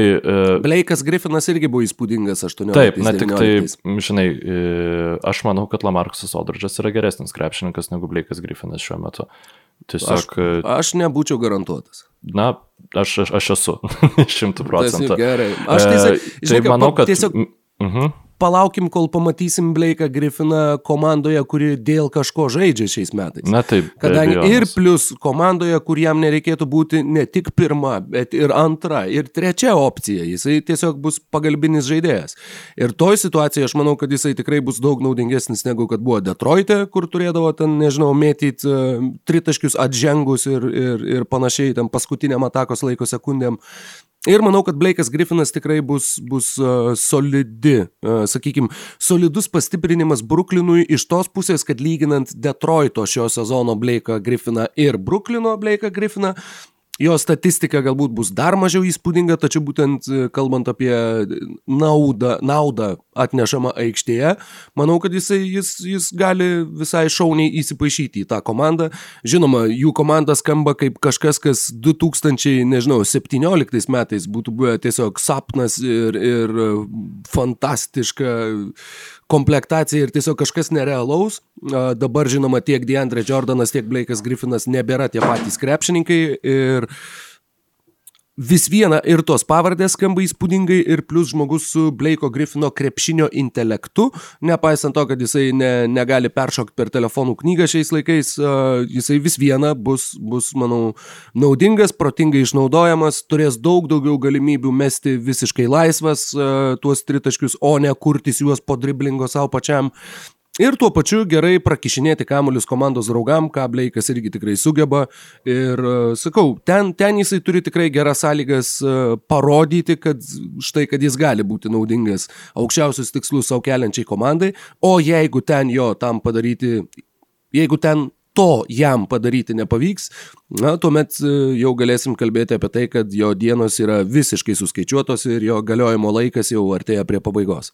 Aš tai iš tikrųjų nepritarčiau, kad Bruklino Nets yra e, geras pasirinkimas Blake'ui Griffinui. Aš manau labai realu, kad Blake'as Griffinas e, labai nedaug minučių žaistoje komandoje rungtynėse, kurios bus svarbios, nes e, kiek man teko matyti šį, šį sezoną Blake'ą Griffiną, tai jo, vienin, nu, sakykime, vienintelis įgūdis, kuris tikrai yra aiškiai geresnis negu lygos vidurkis jo pozicijai, tai yra pasavimasis kurį aš reguliariai matau ir Bruklino net net mažiausiai reikia e, tokio krepšininko, jie turi Irvingą, jie turi Hardeną, kurie nežmoniškai daug kamulio renka, e, atsiprašau, kamulio e, turi savo rankose. Ir jie neturi gynybinio potencialo mhm. paslėpti Bleiko Griffino minusams. Su Bleiku Griffinu tu negali keistis gynyboje, o su Jamesu Hardenu tu negali nesikeisti gynyboje, tai spėk, kuriam krepšininkui bus taikoma preferencija iš Steve'o Nešo stovyklos. Tai be abejo, tai uh, aš nemanau, kad jisai, manau, kad jis labai labai retais atvejais bus aikštėje ketvirto kelinuko gale, kai rezultatas bus apylygis, bet mhm. uh, tom minutėm uh, manau, jog kildamas nuo suolo, žaisdamas su antru penketuku, jisai gali būti tuos raiktų, kuris irgi dar įneštų efektyvumo ir padėtų komandai dar geriau žaisti tą krepšinį, kurį jie panašu, kad yra nusiteikę žaisti, tai yra mes praleidžiam 100 kem, bet sumetam 160. Šiaip, ir ne, Nešo ir Diantoni vadovaujamoj komandai, žinai, ko kito turbūt ir nereikėtų tikėtis. Nors be abejo, jiems gynybinio plano a, tokios pozicijos žaidėjas būtų buvęs naudingesnis, bet pačiam Blake'ui Griffinui, kaip sakiau, manau, kad tai yra labai gera terpė. Ar jisai yra geriausias pasirinkimas Bruklinui? Ne. Bet e, ar Blake'ui Griffinui bus į naudą ateimas į Brukliną? Manau, kad tikrai taip. Um, aš manau, kad tokia komanda kaip pavyzdžiui Bostono Celtics būtų žymiai daugiau išlošusi iš Blake'o Griffino ateimo, nes jiems, sakykime, labai trūksa to, vad būtent tos sraigto kuriuo, kuris bent kiek galėtų pakartoti polime tai, ką darydavo Gordonas Haywardas. Gordon, mm -hmm. Griffinas, na, dalinai jisai ir, sakykime, aš net duodamas tą kreditą, kad jisai bus geresnės fizinės formos, negu jisai buvo De Detroito Pistons gretose, na, aš tiesiog nematau baisiai didelės naudos iš Blake'o Griffino Bruklino net atkrintamosiose. Ir man, man atrodo, kad komandų, kurios būtų galėjusios pas, panaudoti pasavimo įgūdį, e, kurį turi Griffinas, buvo lygoje, viena iš jų Golden State Warriors tavo minėta, aš nu, tikrai būtų žiauriai buvęs smagu, jeigu būtent tenai jis būtų nuėjęs. E, ir kita, vat, e, keista, bet Bostonas Celtics ne vien dėl to, kad jie, sakykime, tikrai turi labai daug tų krepšininkų, kurie galėtų pasaugoti Blake'ą Griffiną gynyboje. Aš tuoj dar vat, noriu atsidaryti, nes taip, e, per pastarąsias, žodžiu, per uh, e, 10 rungtynių, 11 atsiprašau, uh, Bruklino Nets yra 16 uh, gynyba lygoje. Tai mes matom, žinai, jau progresiją, sakykime, į, į visai ne 140 prasileidžiančią taškų gynybą. Šiaip iš tikrųjų labai e, po truputį, po truputį Bruklino Nets tampa turbūt e, geriausia lygos komanda, jeigu, ja, sakykime, ryškiai, ryškiais rytų favoritais, bent jau tiek. apie šitą turbūt jau, jau, jau galima kalbėti truputį drąsiau. Žinoma, yra Filadelfija, žinoma, yra Milvokis. Iš tų komandų, kurios žengia žemiau to pirmojo trejeto irgi tiek Bostonas, tiek Miamis, tiek, nežinau, tas pats Torontas gali, gali sužaisti, padaryti kažką netikėto ir, ir pateikti sensacijų. Turbūt bet... Miamis labiausiai. Jo, aš manau, turbūt, aš irgi taip sakyčiau. turi to, sak, labai daug ginklų galint, nu, kurie tiesiog labai daug pagalių, e, kurias gali įkišti Bruklino nets ratus ir pakankamai daug talento pulime, kad būtent galėtų pasinaudoti silpnom Bruklino Nets vietom. Iš tikro lygiai tą patį galiu pasakyti ir apie Philadelphia 76ers. Būtent Beno Simonso dabartinė rodoma forma man atrodo, kad e, tai, tai yra idealus krepšininkas e, prieš bet kokią komandą gintis, bet ypatingai prieš, Philadel... prieš Bruklino Nets, kur, na, jeigu tu nesikeisi gynybai, tai tu tiesiog nu, pra, praleisi galiausiai tos tritaškus, kuriuos mes Irvingas Hardenas ar Kevinas Durantas. Ir taip pat jie turi Žoelio Embido e, problemą, gali pastatyti prieš Bruklino Nets, kurios, nu, aš vis dar nematau, e, taip reikės dvigubinti, bet tiesiog Bruklino Nets neturi pakankamai e, gerai tų besirotuojančių krepšininkų, kad uždarytų tada atsilaisvinančius krepšininkus. Tai jam būtinai, būtinai reikia e, Sixeriam Rediko ar, arba kokias dar galėtų tą e, mirtinesnį. Na, jeigu jie gaus Laurį, puiku. Bet e, šiaip galim tada gal ties tuo ir nueit. Kailo, Kailo Lauri pavardė labai daug šmežuoja pastarosiam savaitėm. Į kiekvieną gandą, kad jisai bus iškeistas, ateina kitas gandas, kad, nu, iš paties ten Lauri arba jo stovyklas, kad jis tikrai nebus keičiamas. Tada šiandien Lauri jau pasako, kad, na, aš tikrai pabaigsiu karjerą Toronto Raptors gretose.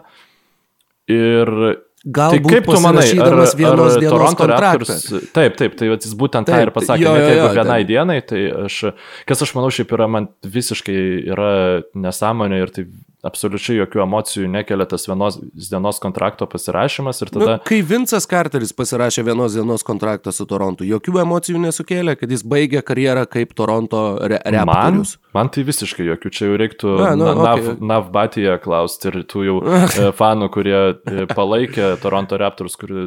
La, labai didelė pagarba, kad žinai šitą vardą ir pavardę. Tiem, kas nežino, Navas Bhatyje yra... Uh, Sikhų, Sikhų tikėjimo, e, žodžiu, Taip. Toronto superfanas, kuris visą laiką sėdi po vienu iš krepšių, žinoma, kai būdavo žiūrovai e, arenose, bičias su turbanu ir barzda ir žmogus, kuris nėra praleidęs, na, dabar jau yra praleidęs, bet iki šiol nebuvo praleidęs nei vienų nuo klubo įkūrimo, nei namų, nei išvykos rungtynių. E, žmogus, kuris aš neįsivaizduoju, kiek pinigų turėjo sugrūsti į tą, kad galėtų šituo girtis, bet štai iki, iki kol pandemija nenutraukė tos serijos, Navas Bhatyje buvo uh, Toronto Raptors superfan, jį visur pristatinėja, netgi jisai dažnai pasisako ten nežinau, radio laidose arba, arba kokioj nors kanadiečių televizijoje. Tad Navas Bhatyje tiesiog irgi tam, kad apšviestumėm žiūrovus, kad jau, kad jau paminėjai šitą vardą, tai reikia truputėlį ir išsiplėsti. Užvedam kalbą, tai papildyt norėčiau tiesiog, kad būt, pinigai jam tikrai ne problema, bet jisai labai, nu, visiškai tą ne American šiuo atveju Canadian Dream yra kaip jūs tos pinigus pasidarė, tai jis tiesiog buvo mašinų pardavėjas e, Toyota e, atstovybėje, žodžiu, ir tada jis tiesiog taip gerai pardavinėjo tas mašinas, jis tiek pinigų užsidirbo, kad jis išsipirko tą atstovybę, žodžiu, ir tiesiog e, nu, pradėjo verslą. Ir labai jisai pastoviai į rungtynes kviečia, sakykime, vaikus, kurie negali sauliaisti e, jas pamatyti ir yra absoliučiai numeris vienas žmogus e, Toronto bendruomenėje, labai labai gerbiamas. Tai, tai tikrai e, manau, kad jis nepraleido ir tų rungtynių, kurias per Zoomą gal pasijungia ar, ar, kaip nors. Bet, uh, tai va, tai jo, reikėtų klausti dėl Vinco Carterio. Man tai atrodo, kad jeigu tu jau nori pademonstruoti lojalumą tam klubui, tai tu darai Timą Dankaną, tu žaidi, eini su juo iki pat galo. O tas, aš visiškai neteisiu krepšininkų, kurie nori išeiti komandą, kuriem gali suteikti uh, galimybę laimėti žiedą. Ir aš manau, kad šitoje vietoje, jeigu Toronto Raptors išmainytų uh, Kyle Kailą Laurį Filadelfiją, aš manau, kad jie išloštų, nes tikriausiai jie jo nepasiliks po reguliaraus sezono. Ir jeigu jie, e, Masajų žyriui bus pakankamai kietakaktis, aš garantuoju, kad jisai bus pakankamai kietakaktis. E, ir jeigu jam pavyktų Matysą Taibulą išpešti iš 76erių, tai mes tiesiog turėtumėm beprotiškai gerą Toronto Raptors gynybą. ir, ja, ir komanda, kuri būtų pilnai pas, man atrodo, mes asmeniškai kalbėjom, ne, ne eterija. Tai, Ai, gali būti. Uh, ir Ja. Komanda, kuri būtų pasiruošusi Bruklino Nets duoti kaulus, tik tai aišku, tas ta problema, kad na vis vien net ir su Kailu Lauri e, Sixers neturėtų to krepšininko, kuriam tu, žinai, ten lieka 10 sekundžių iki rungtynių pabaigos, paėmi taimiaut ir va, imk kamoliu, daryk taškus. E, Bruklino Nets tokių krepšininkų turi du, gal net tris, jeigu, sakykime, Hardeno uh, lemiamais momentais patiriamų spazmų mes nu, ne, nepastatytumėm prieš šiaip beprotišką talentą, Filadelfija vis dėlto neturi. Tai man sakau, idealiausia vieta Kailo Lauri būtų Los Angeles Clippers, bet gandų nėra. Jo, ne, nedaug. E, Luko Kenardo beje kontraktas būtų tenai kažkaip potencialiai įklijuojamas. Jie turi žaidėją, kuriam moka po 16 milijonų per metus ir kuris... Jie ne, Kenardo negalėtų rotacija. keisti. Jie Kenardo Ai, negalėtų iškeisti dėl tos pačios priežasties, dėl ko mes pernai... Uh, mes, Pacer, mm -hmm. Pacers negalėjo pernai iškeisti Sabonio, nes taip, taip, taip. E, Raptors neturi algų kepurėje vietos, tai jie turėtų aha, priimti... Aha. Ne, aš, aš kažkodėl tai maniau, kad jau nuo šio sezono tas kontraktas įsigaliojęs, ne, bet ne, jeigu tai iš ankstinis pratesimas. Tai ten Markusas Morisas uh, turėtų būti ir, ir taip toliau. Jo. Uh, vieną pasiūlymą girdėjau Bilo Simonso tinklalaidai, žinau, kad tau labai nepatinka Bilas Simonsas, bet man jisai jis sakė... labai nepatinka, man neįdomu tiesiog klausyti. Neįdomu. Bet čia nėra antipatijos jokios. Ok, ok. Uh, Gary Harrisas, R.J. Hamptonas ir Bol Bolas už Kailą Laurį. Tu manęs klausi kaip e, Toronto Raptors reprezentative šitoje vietoje? Apskritai klausiu labiausiai tai kaip Mykolo. Mm. Kaip tau atrodo, ar, ar Denveriui tokie mainai apsimoka, ar Denveriui, Torontui? Jo, Denveriui apsimoka, manau, nes, e, na, švaistyti Jokičiaus potencialą, žinai, ten laukti, kol ištobulės Arčiai Hamptonas arba dar labiau balbolas į kažką. Gary Harrisas, nepaisant savo nuostabaus talento gynyboje, na, panašu, kad jis tą metimą pametė jau ilgam. Mhm. O Kailas Lauri tai tiesiog dėl ko jis yra, sakykime, toks medžiojamas jų tų kontenderių, nes tu jį gali įklijuoti bet kokią komandą ir jis nepamaišys. Tai nėra krepšininkas, kuriam reikia baisiai daug kamulio, jisai mhm. gali per rungtynės pelnyti 9 taškus ir būti geriausias krepšininkas tose rungtynėse, sakykime. Tai yra labai, labai, labai daug kartų supaprastinta, sakykime, nu gerai, gal net nedaug kartų, bet šiek tiek primena Krisa Polo, tik tai E, mažiau su kamoliu galintis žaisti. Nors net, net gal ir nelabai primena Krisapolą. Aš sunku iš vis rasti analogą jo, tam, jo, ką jo. gali suteikti. E, Kailas labiau yra, labiau yra jo, kad kažką mes galim lyginti su Laurį žaidimo stiliumi, negu kad Laurį žaidimo stilių palyginti su kažkuo kitu, nes taip, uh, tikrai taip, pakankamai ir... unikalus žaidėjas tuo, ką jisai atneša komandai. Ypač turint Nikolą Jokičių, Denverio Nuggets, jo problemas gynyboje, E, Kailas Lauri yra vienas geriausiai gynyboje padedančių žaidėjų. Tai, tai tikrai nėra tas, e, sakykime, svajonių žaidėjas vienas prieš vieną gynyboje, nors jis tikrai gerai gynasi, bet -hmm. jo krepšinio intelektas, jo gebėjimas išprovokuoti e, pražangas polime. Jo, jisai pirmauja, man atrodo, dabar ne pirmą sezoną. Nu, kadangi Iliasova nežaidė Taip. šį sezoną, tai jis pirmauja. ir ir Motejūno, kadangi nėra NBA. Taip, tai. Nes kažkada aš... pirmavo ir Dymau pagal šitą statistikos rodiklį. Uh, tad jo, jo, man irgi visai šitą idėją patiko, plus dar vienas dalykas, kad Denverio Nuggets tikrai vat, turi, turi tą mm, pakuotę, uh, kurią gali išsiųsti už kažkokį va, virš 20 milijonų gaunantį krepšininką ir uh, pasistiprinti būtent šiam sezonui. Manau, kad jiems tai būtų labai uh, Na, žinoma, negali garantuoti, gali tie mainai nepasisekti, gali išsimainyti žaidėją, kuris vėliau gaus traumą, ar na, yra labai daug e, ne, nežinomųjų ir kintamųjų, bet bandyti atlikti mainus ir sustiprinti komandą, mano manimu, jiems būtų visai logiška. Ir uh, į tą komandą turbūt reikia žiūrėti per šias dvi savaitės iki mainų lango užsidarimo, uh, nes tikrai toks ar, ar panašus pasiūlymas gali būti pateiktas kažkam, lygiai taip pat kaip, nežinau, kaip Bostono Celtics turėtų bandyti išnaudoti savo mainų išimtį ir irgi yra komanda, į kurią reikėtų žiūrėti kaip į aktyviai žaisiančią mainų rinkoje. Tad Denveris, nors apie jį niekad nekalbėjom šitam kontekste, bet pagarba tam pačiam Bilui Simonsui, kad jisai atkreipė į tai dėmesį ir dabar kuo daugiau apie tai galvoju, tuo labiau logiškai man skamba, kad jo, jo, jie gali bandyti, plus jiegi turbūt turi visus savo šaukimus, ar ne?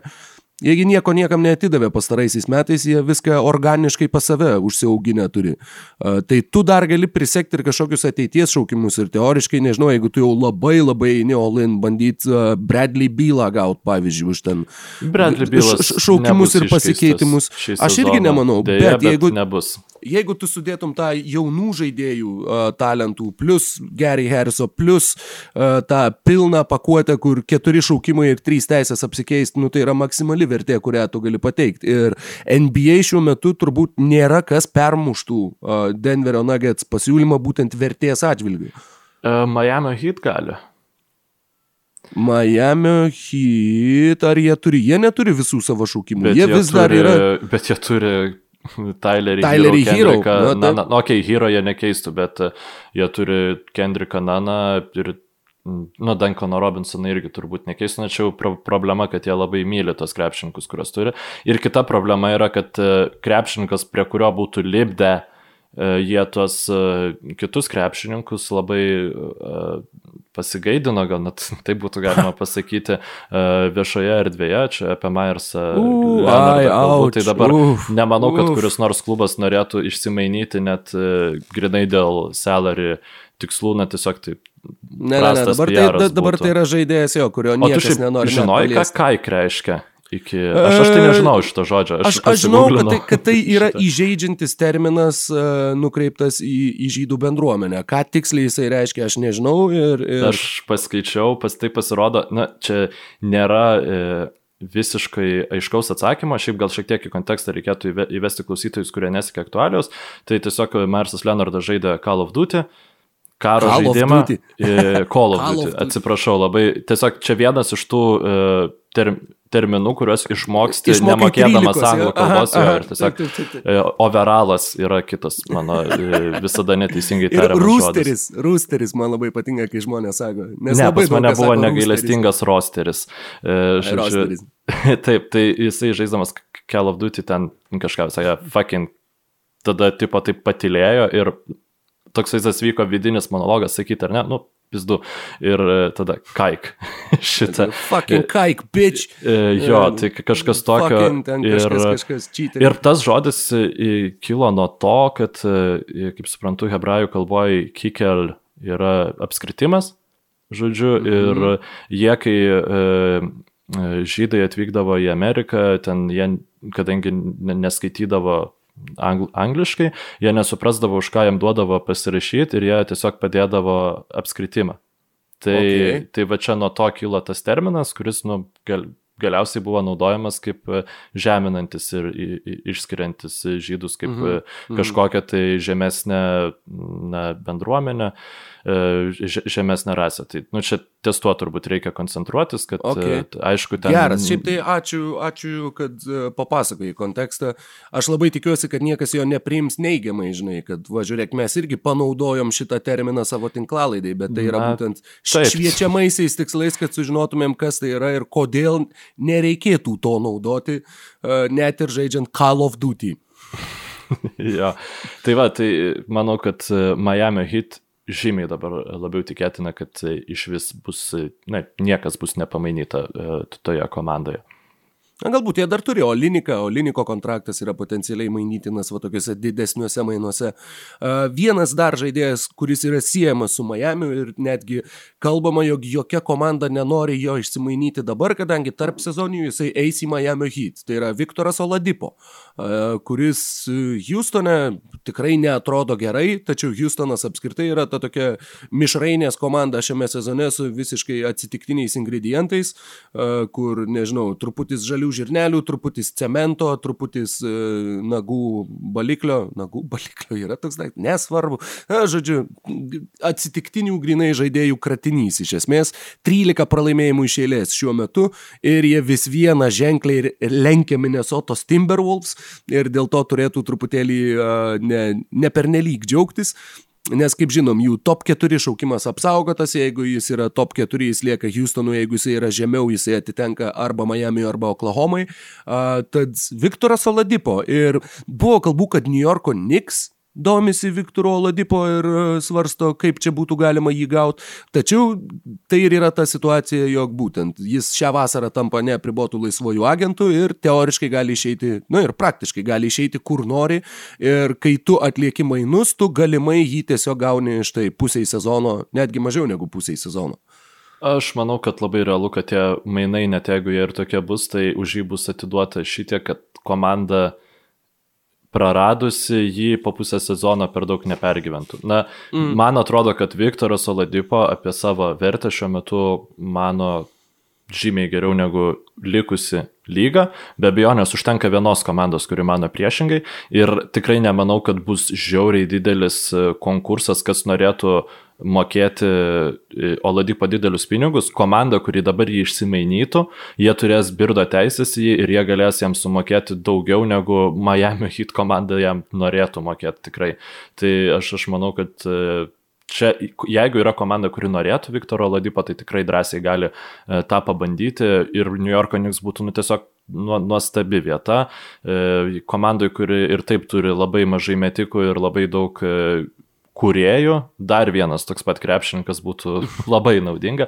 Šiaip aš manau, kad New Yorko Knicks galėtų ir tą patį Lamarkusą Aldridge'ą pasimti, neironiškai. Ja, tai visai ja. būtų, sakykime. E, Apie tai aš irgi galvau. Plus e, Tomui, Tomas Tibodo. Tomas Tibodo yra žmogus, kuris e, yra linkęs remtis veteranais ir taip, manau, kad taip, jis gali būti labai susižavėjęs galimybę, kad, ei, gaukit man Aldridge'ą, nes va, su Aldridge'u tai mes būsim daug geresni negu esam dabar. Vienas dalykas apie Oladipo labai greitai norėjau jį paminėti, tai yra Indianos Pacers žaidimas.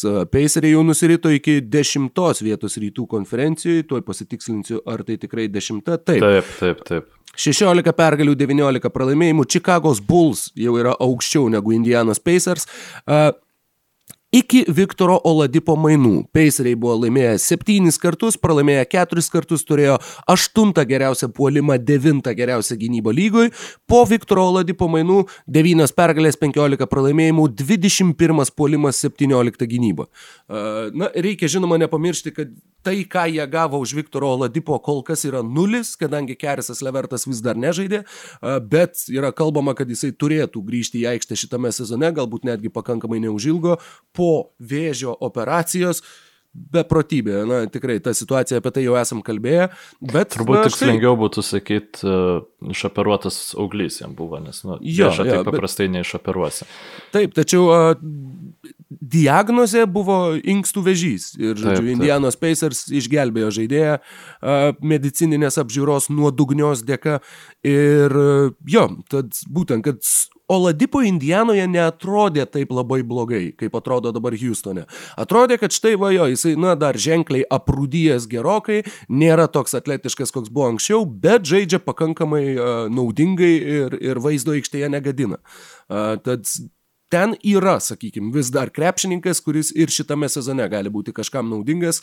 New Yorko Knicks Visai įsivaizduoju, tiesą pasakius, nežinau kaip dėl uh, kontraktų sumų, ką būtent jie galėtų sudėti. A, New Yorkui ir... nebūtų didelės problemos, jie ten turi ir tų krepšininkų su didesniais kontraktais ir tiesiog... Plus jie turi, jie turi ir... Vietoj, jo, vietos algų kepuriai. Uh, 96,6 milijono jie šiuo metu kom, moka. Komanda, kuri gandų e, principų, nes nu, mes šimtų procentų tai nežinom nei vienos.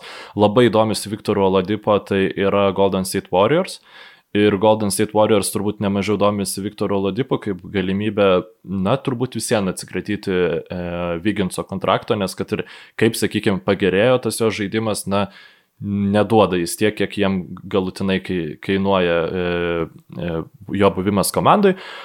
Ir šiaip kalbant apie Houston Rockets ir Golden State Warriors, tai yra kalbama, kad ir Eriko Gordono nori, ir kad PJ Tuckerio e, nori, šiaip PJ Tuckerio nori visi, dabar jau, e, sakykime, į kiekvienos komandos, e, jeigu rumors puslapį nueitum, Hubs Hype skiltyje, tai ten tiek Brooklyno Nets, Brooklyno Nets PJ Tuckeris būtų absoliuti fantastika, oh, tiek Bucks, Jazz, Phoenix'o Suns negirdėjau, bet irgi būtų visiškai puiku. Šiaip kaip puikiai Phoenix'o žaidė, žaidžia. 24-11 ir visiškai mūsų mm. dėmesio negauna. Atsiprašom, kitą savaitę bus 30 minučių apie Phoenix'o Suns iš manęs. O gerai, pa pasakė ir šventą. Labai gerai. Taip. Aš turiu, turiu uh, sakykime, dalyką, kurį norėjau pasitikrinti Suns kontekste, tai vad kaip tik kitai savaitę galėsiu tai dėl, paruošti pakankamai daug. Dėl tai. Golden State Warriors ir Houston Rockets, jeigu tos komandos ten tikrai apsimainytų, tai būtų, žinai, pakankamai jokinga kaip dvi super, super komandos buvusias e, dar e, prieš du sezonus tiesiog jų liekanos, žinai, susijungtų tarpusavį ir bandytų tas e, visas naujas jėgas vėl e, nugalėti. Gal, galvoju, iš karto nuskambėjo The House Sun Kings, bet... Rokai, Game Golden of State Warriors. Uh, Žais atkrintamosios ar ne? Mhm. Čia aš prieš sezoną, prieš klausimas. sezoną pamenu, sakiau, kad ne. Uh, puf. Dabar, kadangi sakiau, jog Memphis žais atkrintamosiose. Ir tau lieka eh. Mavericks arba Warriors. Nu, nes Spars, kaip supratau, į, mes abu sakom, kad nežais. Nurašom, jo. jo. jo. Uh, ne, Ne, Golden State Warriors, aš apsimesiu, kad aš labai tikiu tuo, ką aš sakiau prieš sezoną, e, nors iš tikrųjų komanda tikrai sugebėjo ir nustebinti, ir sužaisti ir e, labai gerų atkarpų, ir Curry atrodo kaip Stefas Curry, bet e, kadangi pasakiau, kad Memphis žais, tai sakau, kad Warriors nežais. Ir būtų labai juokinga, jeigu jie susitiktų tarpusavyje įkrintamosiose tada, tada tikrai grauščiausi nagus dėl, dėl pietų potencialaus sudėgymo.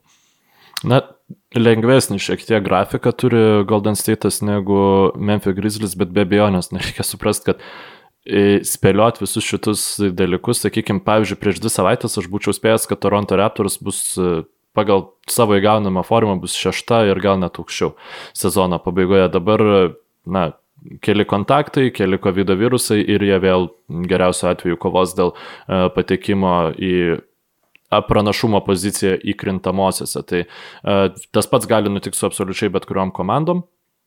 E, bet aš tada pasidėsiu pliusiuką ties Golden State Warriors ir minusiuką ties Memphis Grizzlies, kaip ir tiesiog dvigubai e, lažinsiuos ties tuo, ką jau stačiau prieš šį sezoną. Ir tada, jeigu galima, dar e, paskutinis klausimas, Rokai, ar Delas Mavericks papuls į atkrintamasias be įkrintamųjų, žodžiu, pagalbos, tai yra bus šeštoji pozicijoje arba mhm. aukščiau, ar Manau, vis dėlto ne? Manai, kad taip? Manau, kad taip. Ok, tai čia mūsų nuomonės neišsiskiria, tai lieka tik tai Warriors, žodžiu. Jau tiek čia prikaupiai dėl tų pietų, jau tiek čia prigalvojo klausimų, o koks azartiškas žmogus iš karto atsilošt nori. Oi, aš e, po paauglystį turėjau pakankamai rimtą dalyką su lažybom, tai žinai dabar. Jo, buvai pralošęs tėvų būtą? Nu, ačiū, aš taip save teisinau, žinai, kad e, gerai, kad aš, nu, kaip ir ne, nu, ką aš galiu daugiausia pralošti savo dienpinigus, žinai, tai, mm. tai, tai va ten ties tuo ir baigdavas. Tai. Bet džiaugiuosi, kad e, su tuo nebeužsijęs. Man tai, tai vat, nunešė paauglystį. E, labai daug kas kažkaip tai iš klasiokų mano mėgdavo eiti į top sportą ir aš ten gal poras įkių irgi nuėjau. Ir vieną kartą atsiminu, kad nuėjęs buvo Europos futbolo čempionatas, prieš pat Europos futbolo čempionatą, atsimenu, kad ten e, du litus gal padėjau, sudėjau kažkiek tai ten kalną rungtynių, kaip visos baigsis, kur galiausiai išėjo, kad atspėjau ir pasėmiau gal 48 litus, kas tuo metu buvo didelis pinigas. Ir niekad nepamiršiu, kaip stoviu top sporte, žiūriu į santykius, kas taps Europos čempionais, kaip tik žaidęs ką tik tai Championship Manager tenai va tuos va sezonus ir tenai labai gerai varė tą rinktinį ir aš stovėjau, žiūrėjau Graikai. ir sakiau, hmm, jo, kad jeigu aš padėčiau penkis litus, kad graikai čempionais taps. Ir klasiokai mane išvadino debilų ir sakė, geriau atiduok man tuos penkis litus ir aš tada sakiau, kad, ai, bala nematė. Santykis buvo vienas prie aštuonių šimtų. Ir jo, graikai aišku tapo čempionais tais metais. Nu tai va, būtų pasikeitęs tavo gyvenimas, būtum pradėjęs, žinai, investuoti. jo, dabar būčiau, dabar tai būčiau būtum, kaip, kaip Navas Bhatyje. Būtum prašykęs tuos ten O, jo, būčiau, kelis nežinau, tūkstančius ir, ir, ir viskas. Kokiam nors nesąmonėm, jo, bet. Nu, bet vis tiek dabar ne, nu, nesąmonių būtų, turėčiau bent jau. Būtų, būtų, būtų buvę įspūdinga. Istorija, kaip nereikia klausyti klasiokų, kai tau yra, kiek čia, 15. Kai... Jo, visi nepilnamečiai, kurie mūsų klausot, tai eikit, statykit. Čia roko toksai Auč. moralas būtų. Ne, ne, ne, ne, ne, ne, ne. Kaip, tik- kaip tik šnekėjom per netaktiškai su Karliu Tiškevičiu apie statymus, tai čia šitas, šitas labai priešingai uh, sueitų visom mano rekomendacijom, kurias išsakiau tenai. Paskut... Nu, viena gal iš paskutinių komandų, kurias šiaip reiktų aptarti, kuri e, visai išlindo, kaip sakykime, pardavėja dėl savo kritusios formos pastaruoju metu, tai yra Sacramento Kings. Mm. Labai daug patrauklių krepšininkų įvairioms komandoms su įvairiais, e, sakykime, biudžetais, na tiesiog visiškas e, priekybos centras ten per, per kalėdas dabar yra Sacramento Kings, tai tokie akivaizdus, akivaizdžiausias yra Harrisonas Barnetsas, kuris yra tiesiog kartojamas nuolat su Bostono Celtics mhm. mainų išimtimi. Uh, taip pat yra Nemanija Bielica, kuris, kurio ti- tiesiog žaidimo tipas padėtų absoliučiai bet kuriai komandai, praplečiantis aikštę ketvirtas numeris, kuris gali ir a, visai padariai gintis. Ir taip pat vidurio polėjas Rašanas Holmsas, kuris šiaip žaidžia O. labai gerai, Jo. bet tiesiog jeigu gautų pakankamai gerą pasiūlymą, Sacramento Kings jį būtų linkę, kaip supratau, išmainyti, iš dalies ir dėl to, kad Marvinas Begley Na, vis dėlto turėtų būti tas jų startinis vidurio polės, nors tiesa prieš kelias savaitės buvo pasirodę gandai, kad ir Marvina Begley ruošiasi išmanyti, tačiau ta informacija Ir, buvo ir, paneigta. ir kaip Buddy Hildas irgi visur yra minimas kaip galimai uh, gali būti jog mainytinas krepšininkas. Bet Paminėjai Holmesą, kurio neturėjau tame sąraše, o šiaip tai jeigu tu esi uh, kažkaip tai iš raidės B, tai Barnsas, Bielica, Buddy ir Begley, tai tu negali būti ramus dėl savo ateities sakramente šiuo metu.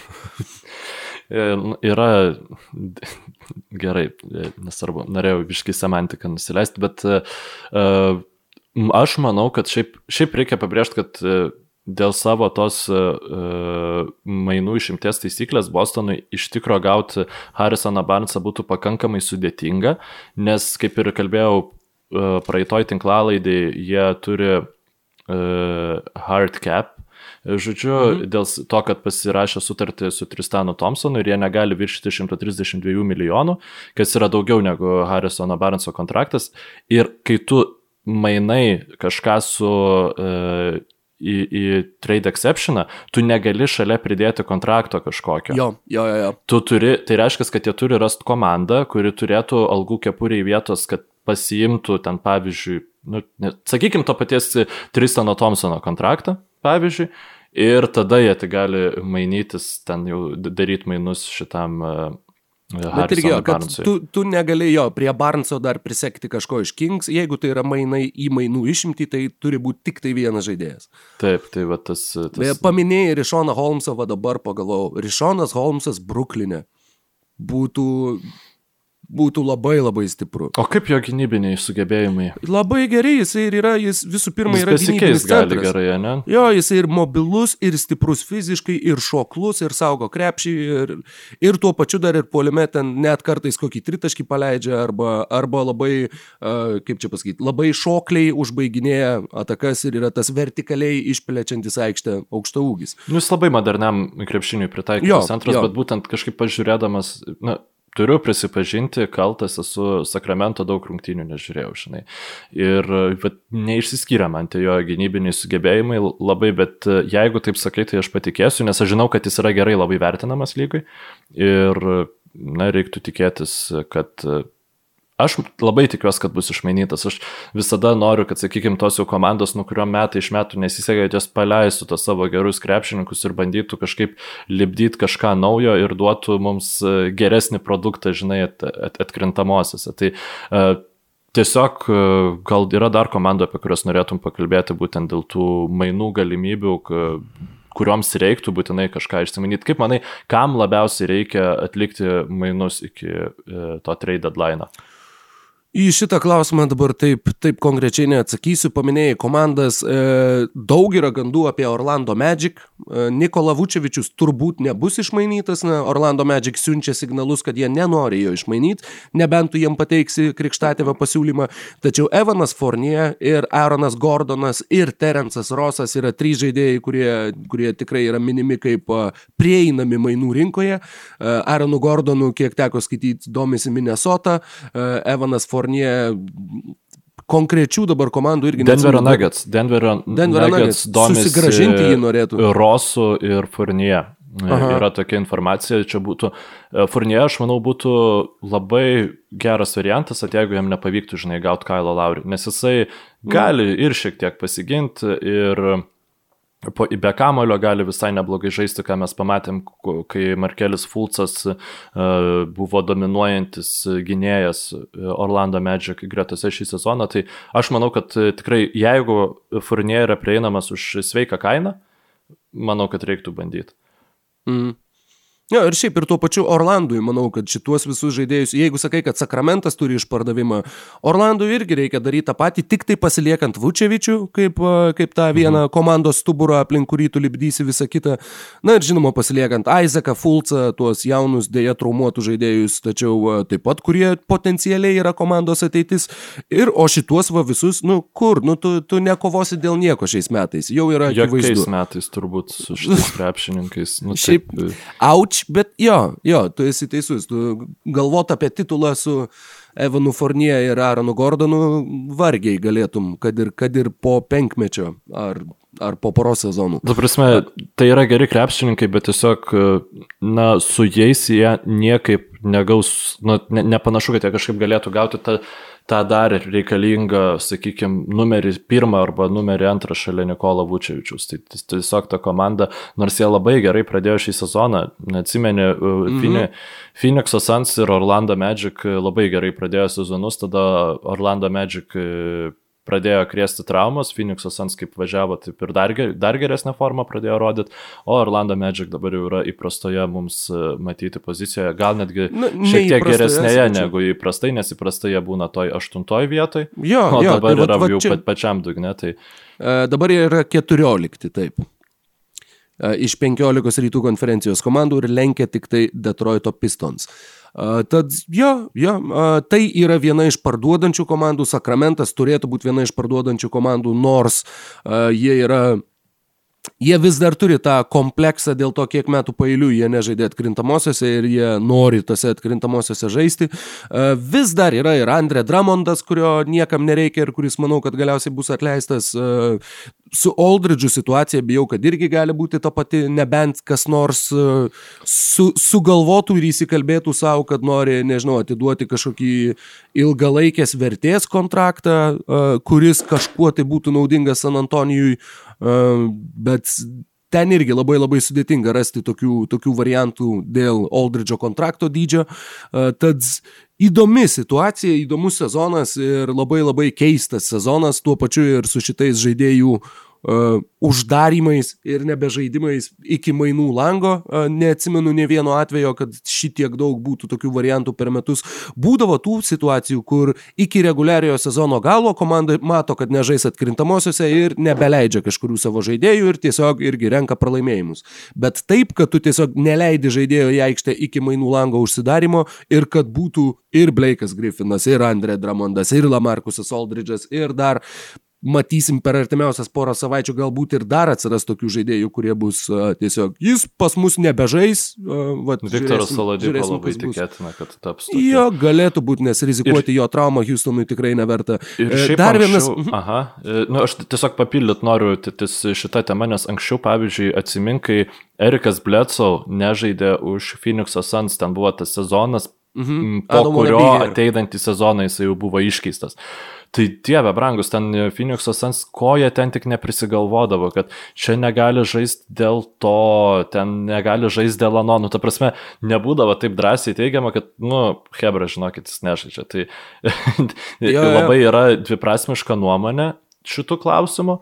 Aš tai manau, kad ypač turint omenyje, kad šį sezoną e, nėra fanų, kurie norėtų matyti tus krepšininkus ir taip toliau, tai aš labai pateisinu. Man, nu, visiems tas sezonas, jis, mm. man atrodo, galiausiai ypač reguliarus sezonas, tai jis taip šiek tiek į, į paraštas nueis, jau kai viskas e, tikėkime, kad e, grįš į savas e, vežes. Šiaip tai tiesiog, kol tu kalbėjai, dar pasėmiau telefoną pasitikrinti nes e, buvau įstikinęs, kad bent vieną notifikationą būsiu gavęs, kad, nu, čia domisi Lamarkusu Aldridžiu, tai jo, gal e, ne. kažkas, žodžiu, patvirtino, kad jo domisi, bet man atrodo, kad čia yra iš pačių sparsų generuojamas jo, jo, jo. E, naujienų srautas, kad komandos, kurios galbūt norėtų jį išsipirkti, tiesiog, na, pasiūlytų kažką mm -hmm, už Lamarkusą, mm -hmm. nes labai jau taip labai, įtartinai. Labai įdomu, uh, visiškai ne į temą, bet atsiminiau, kai 96 naujokų biržoj, kai Los Andželas jau sutarė su Šarlotė dėl mainų, kad gautų Kaubį, Ir, žodžiu, kai Šarlotė mm, pradėjo paskutinę akimirką dvėjot, ar jie nori atlikti tuos mainus, uh, skaičiau buvo, buvo toks oral history tą vadina, tai yra kaip pasakoja tiesiog daug veikėjų kažkokią, kažkokią istoriją, tai buvo apie Kobės peržiūrą Los Andželė ir kaip jisai sudraskė Michaelą Cooperį uh, tiesiog ne, ne, nežmoniškai ir kaip Jerry Vestas atėjęs pažiūrėti vien dėl to, kad norėjo padaryti paslaugą Kobės agentui, Arnui Telemui, beje, uh, galiausiai po 20 minučių tos peržiūros peržiūros e, išėjo iš salės pasakęs, kad jis jau dabar yra geresnis už bet ką, ką mes turim savo komandai. Žiauriai ten... šiaip įdomu, labai, labai ačiū šitą istoriją. Tai tikrai ne, neironiškai aš, sakau, labai, labai įdomu. Ta prasme, aš, aš dar net, net nepapasakau konkrečiai to, ko norėjau, bet labai rekomenduoju paskaityti. Uh, Best Workout Ever, man atrodo, ESPN berots buvo įsikėlę, kur na, tas toks long form skaitimas, kur kokį pusvalandį gal skaitai vieną, vieną straipsnį ir kur labai viskas detaliai aprašyta. Ir tenai, man atrodo, kad gal Jerry Vestas ir pasakojo, kad va Charlotte, žodžiu, pradėjo spyriotis ir kad jie nulykino, žodžiu, jie paleido iš savo pusės, kad Vladė Divacas nesutinka žaisti Šarlotėje ir kad jisai vat, po šitų mainų jisai į Šarlotę neatvyks. Ir tiesiog man labai užstrigo šitą detalę, kad vat, jo, kaip klubai bando apžaisti tuos dalykus ir kiek visą laiką ta informacija, kuri pasiekia mus, yra vis viena iš kažkurio klubo pozicijų. Yra, kad kažkuris klubas tai paleidžia siekdamas vieno, vieno ar kito rezultato. Tai su šituo jo, kad irgi labai gali būti, kad Spars derasi su keliom komandom dėl Aldridge'o mainų, yra tai, ką San Antonijaus Spars paleidžia, kad pareklamuotų truputį agresyviau Aldridge'ą tiem, kam jisai galėtų būti įdomus. Šiaip bent jau kiek man teko girdėti, tai pavyzdžiui, Šamsas, Vauž, e, jie informaciją gauna iš žaidėjų agentų. Mhm. O, sakykime, tie beat uh, writeriai vadinami, tai yra uh, klubus tiesiog uh, konkrečius klubus apžvelginėjantis e, žmonės, kurie, sakykime, Jonas Kravčinskis įminės mažiau, e, mažiau e, sprogdina naujienų bombas, o daugiau tiesiog va, tokios tam tikros informacijos e, pasidalina, kur klubas sutinka su, su jais dalintis. Mm -hmm. Tai, tai va, e, jeigu, sakykime, koks nors jums nežinomas vardas e, pasidalina kokią nors informaciją, sakykime, va, apie Lamarkusą Aldridžą, kad juo tikėti, juo duomisi daug klubų, tai žinokit, kad nu, nebūtinai ta informacija nėra tiesa, bet jinai yra klubas suinteresuotas, kad ta informacija išeitų. Jeigu e, tie jau žinomesni, ten mhm. dar galima Marksą įtraukti, dar kažką, nu, reiks kada nors pas, pasidaryti sąrašą jau tą e, šitų, bet, nu, pagrindę šansą su Vauš, jeigu šitie paskelbė, tai yra Agentų žaidėjai informacija. ir tada, ja. kai Nes būna kartais vauš koks nors arba šamsas arba pasidalina arba patys parašo kokį nors straipsnį apie kokį nors krepšininką, kur ten e, yra koks nors... E, Dvaitas Howardas geriausios savo karjeros formos. Taip, taip, va, va, va tokie va. visokie dalykai, tai čia yra, nu, tas, žinai, bar barteriniai mainai vyksta, kas yra e, visiškai normalu, bet aš manau, kad jų pakankamai daug yra persik, perkandę tos duonas NBA klausytojai ir žiūrovai. Žiūrovai turbūt pagrindę. Tai vad, e, ar dar kažką norėtum papildyti ties tą visą mainų kar karuselę? Ne, aš o, nemanau, aš manau, aš manau kad jinai kad jinai pildysis ir uh, lyg drebiai ateis per artimiausias porą savaičių uh, ir, ir Kągi, be, belieka sėdėti, laukti, žiūrėti, kasgi ką padarys. Tikiu, kad bus įdomių, tikiu, kad bus ir netikėtų mainų, kur sėdėsim ir sakysim, kad nu šito tai tikrai nie pro niekur nesitikėjom. Bus ir tokių, galbūt, kuriuos, kuriuos jau čia paminėjom teoriškai, ir, ir jie taps galiausiai realybė ir praktikoje.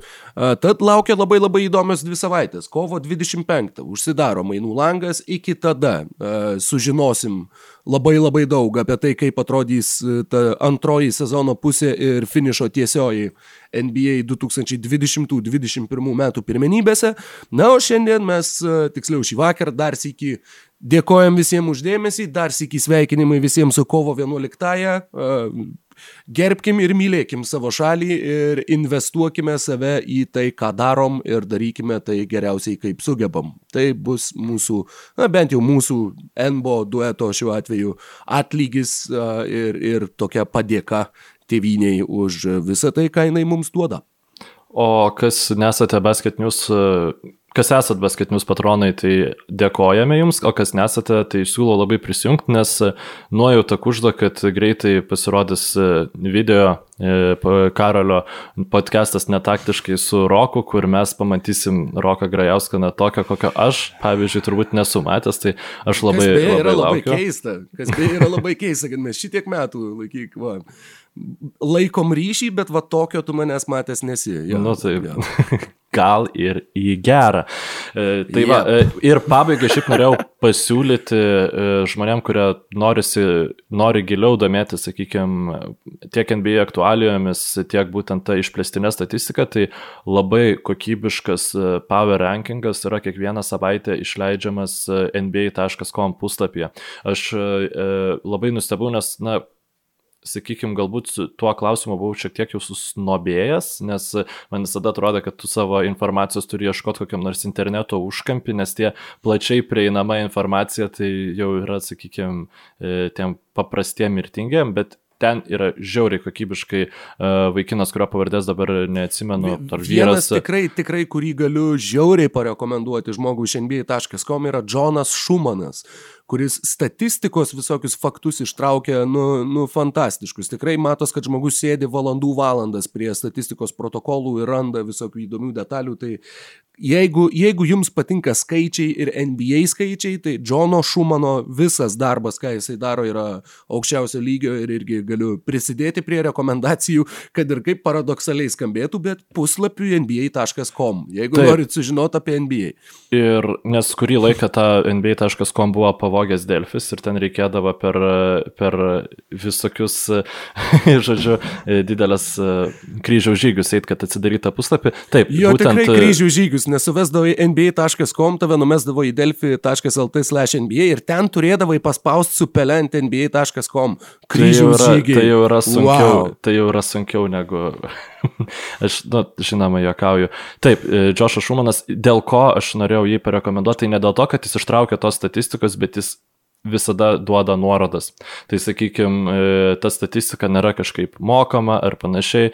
Jūs, jeigu sudomina kažkuris faktas, ant pavyzdžiui, Bruklino Nets yra maž... lėčiausiai bėganti komanda gynyboje, tarkim, va, toksai buvo mhm. faktas pateiktas. Jeigu šitą sudomina, tiesiog iš karto ant tos statistikos paspaudi ir tau atidaro visą lentelę, kur yra, uh, nu jau tas, uh, jo, būtent lygos, šitas lygos, visi 30 momentas sekamas, tai mhm. tai tiesiog labai labai galima patobulėti. Ir pagilinti savo krepšinio žinias. Tai vad su šita rekomendacija aš užbaigiu savo dalį podcast'o. Ačiū, kad esate su mumis ir iki kitos savaitės. Sėkmės. Visiems sėkmės ir laimingai.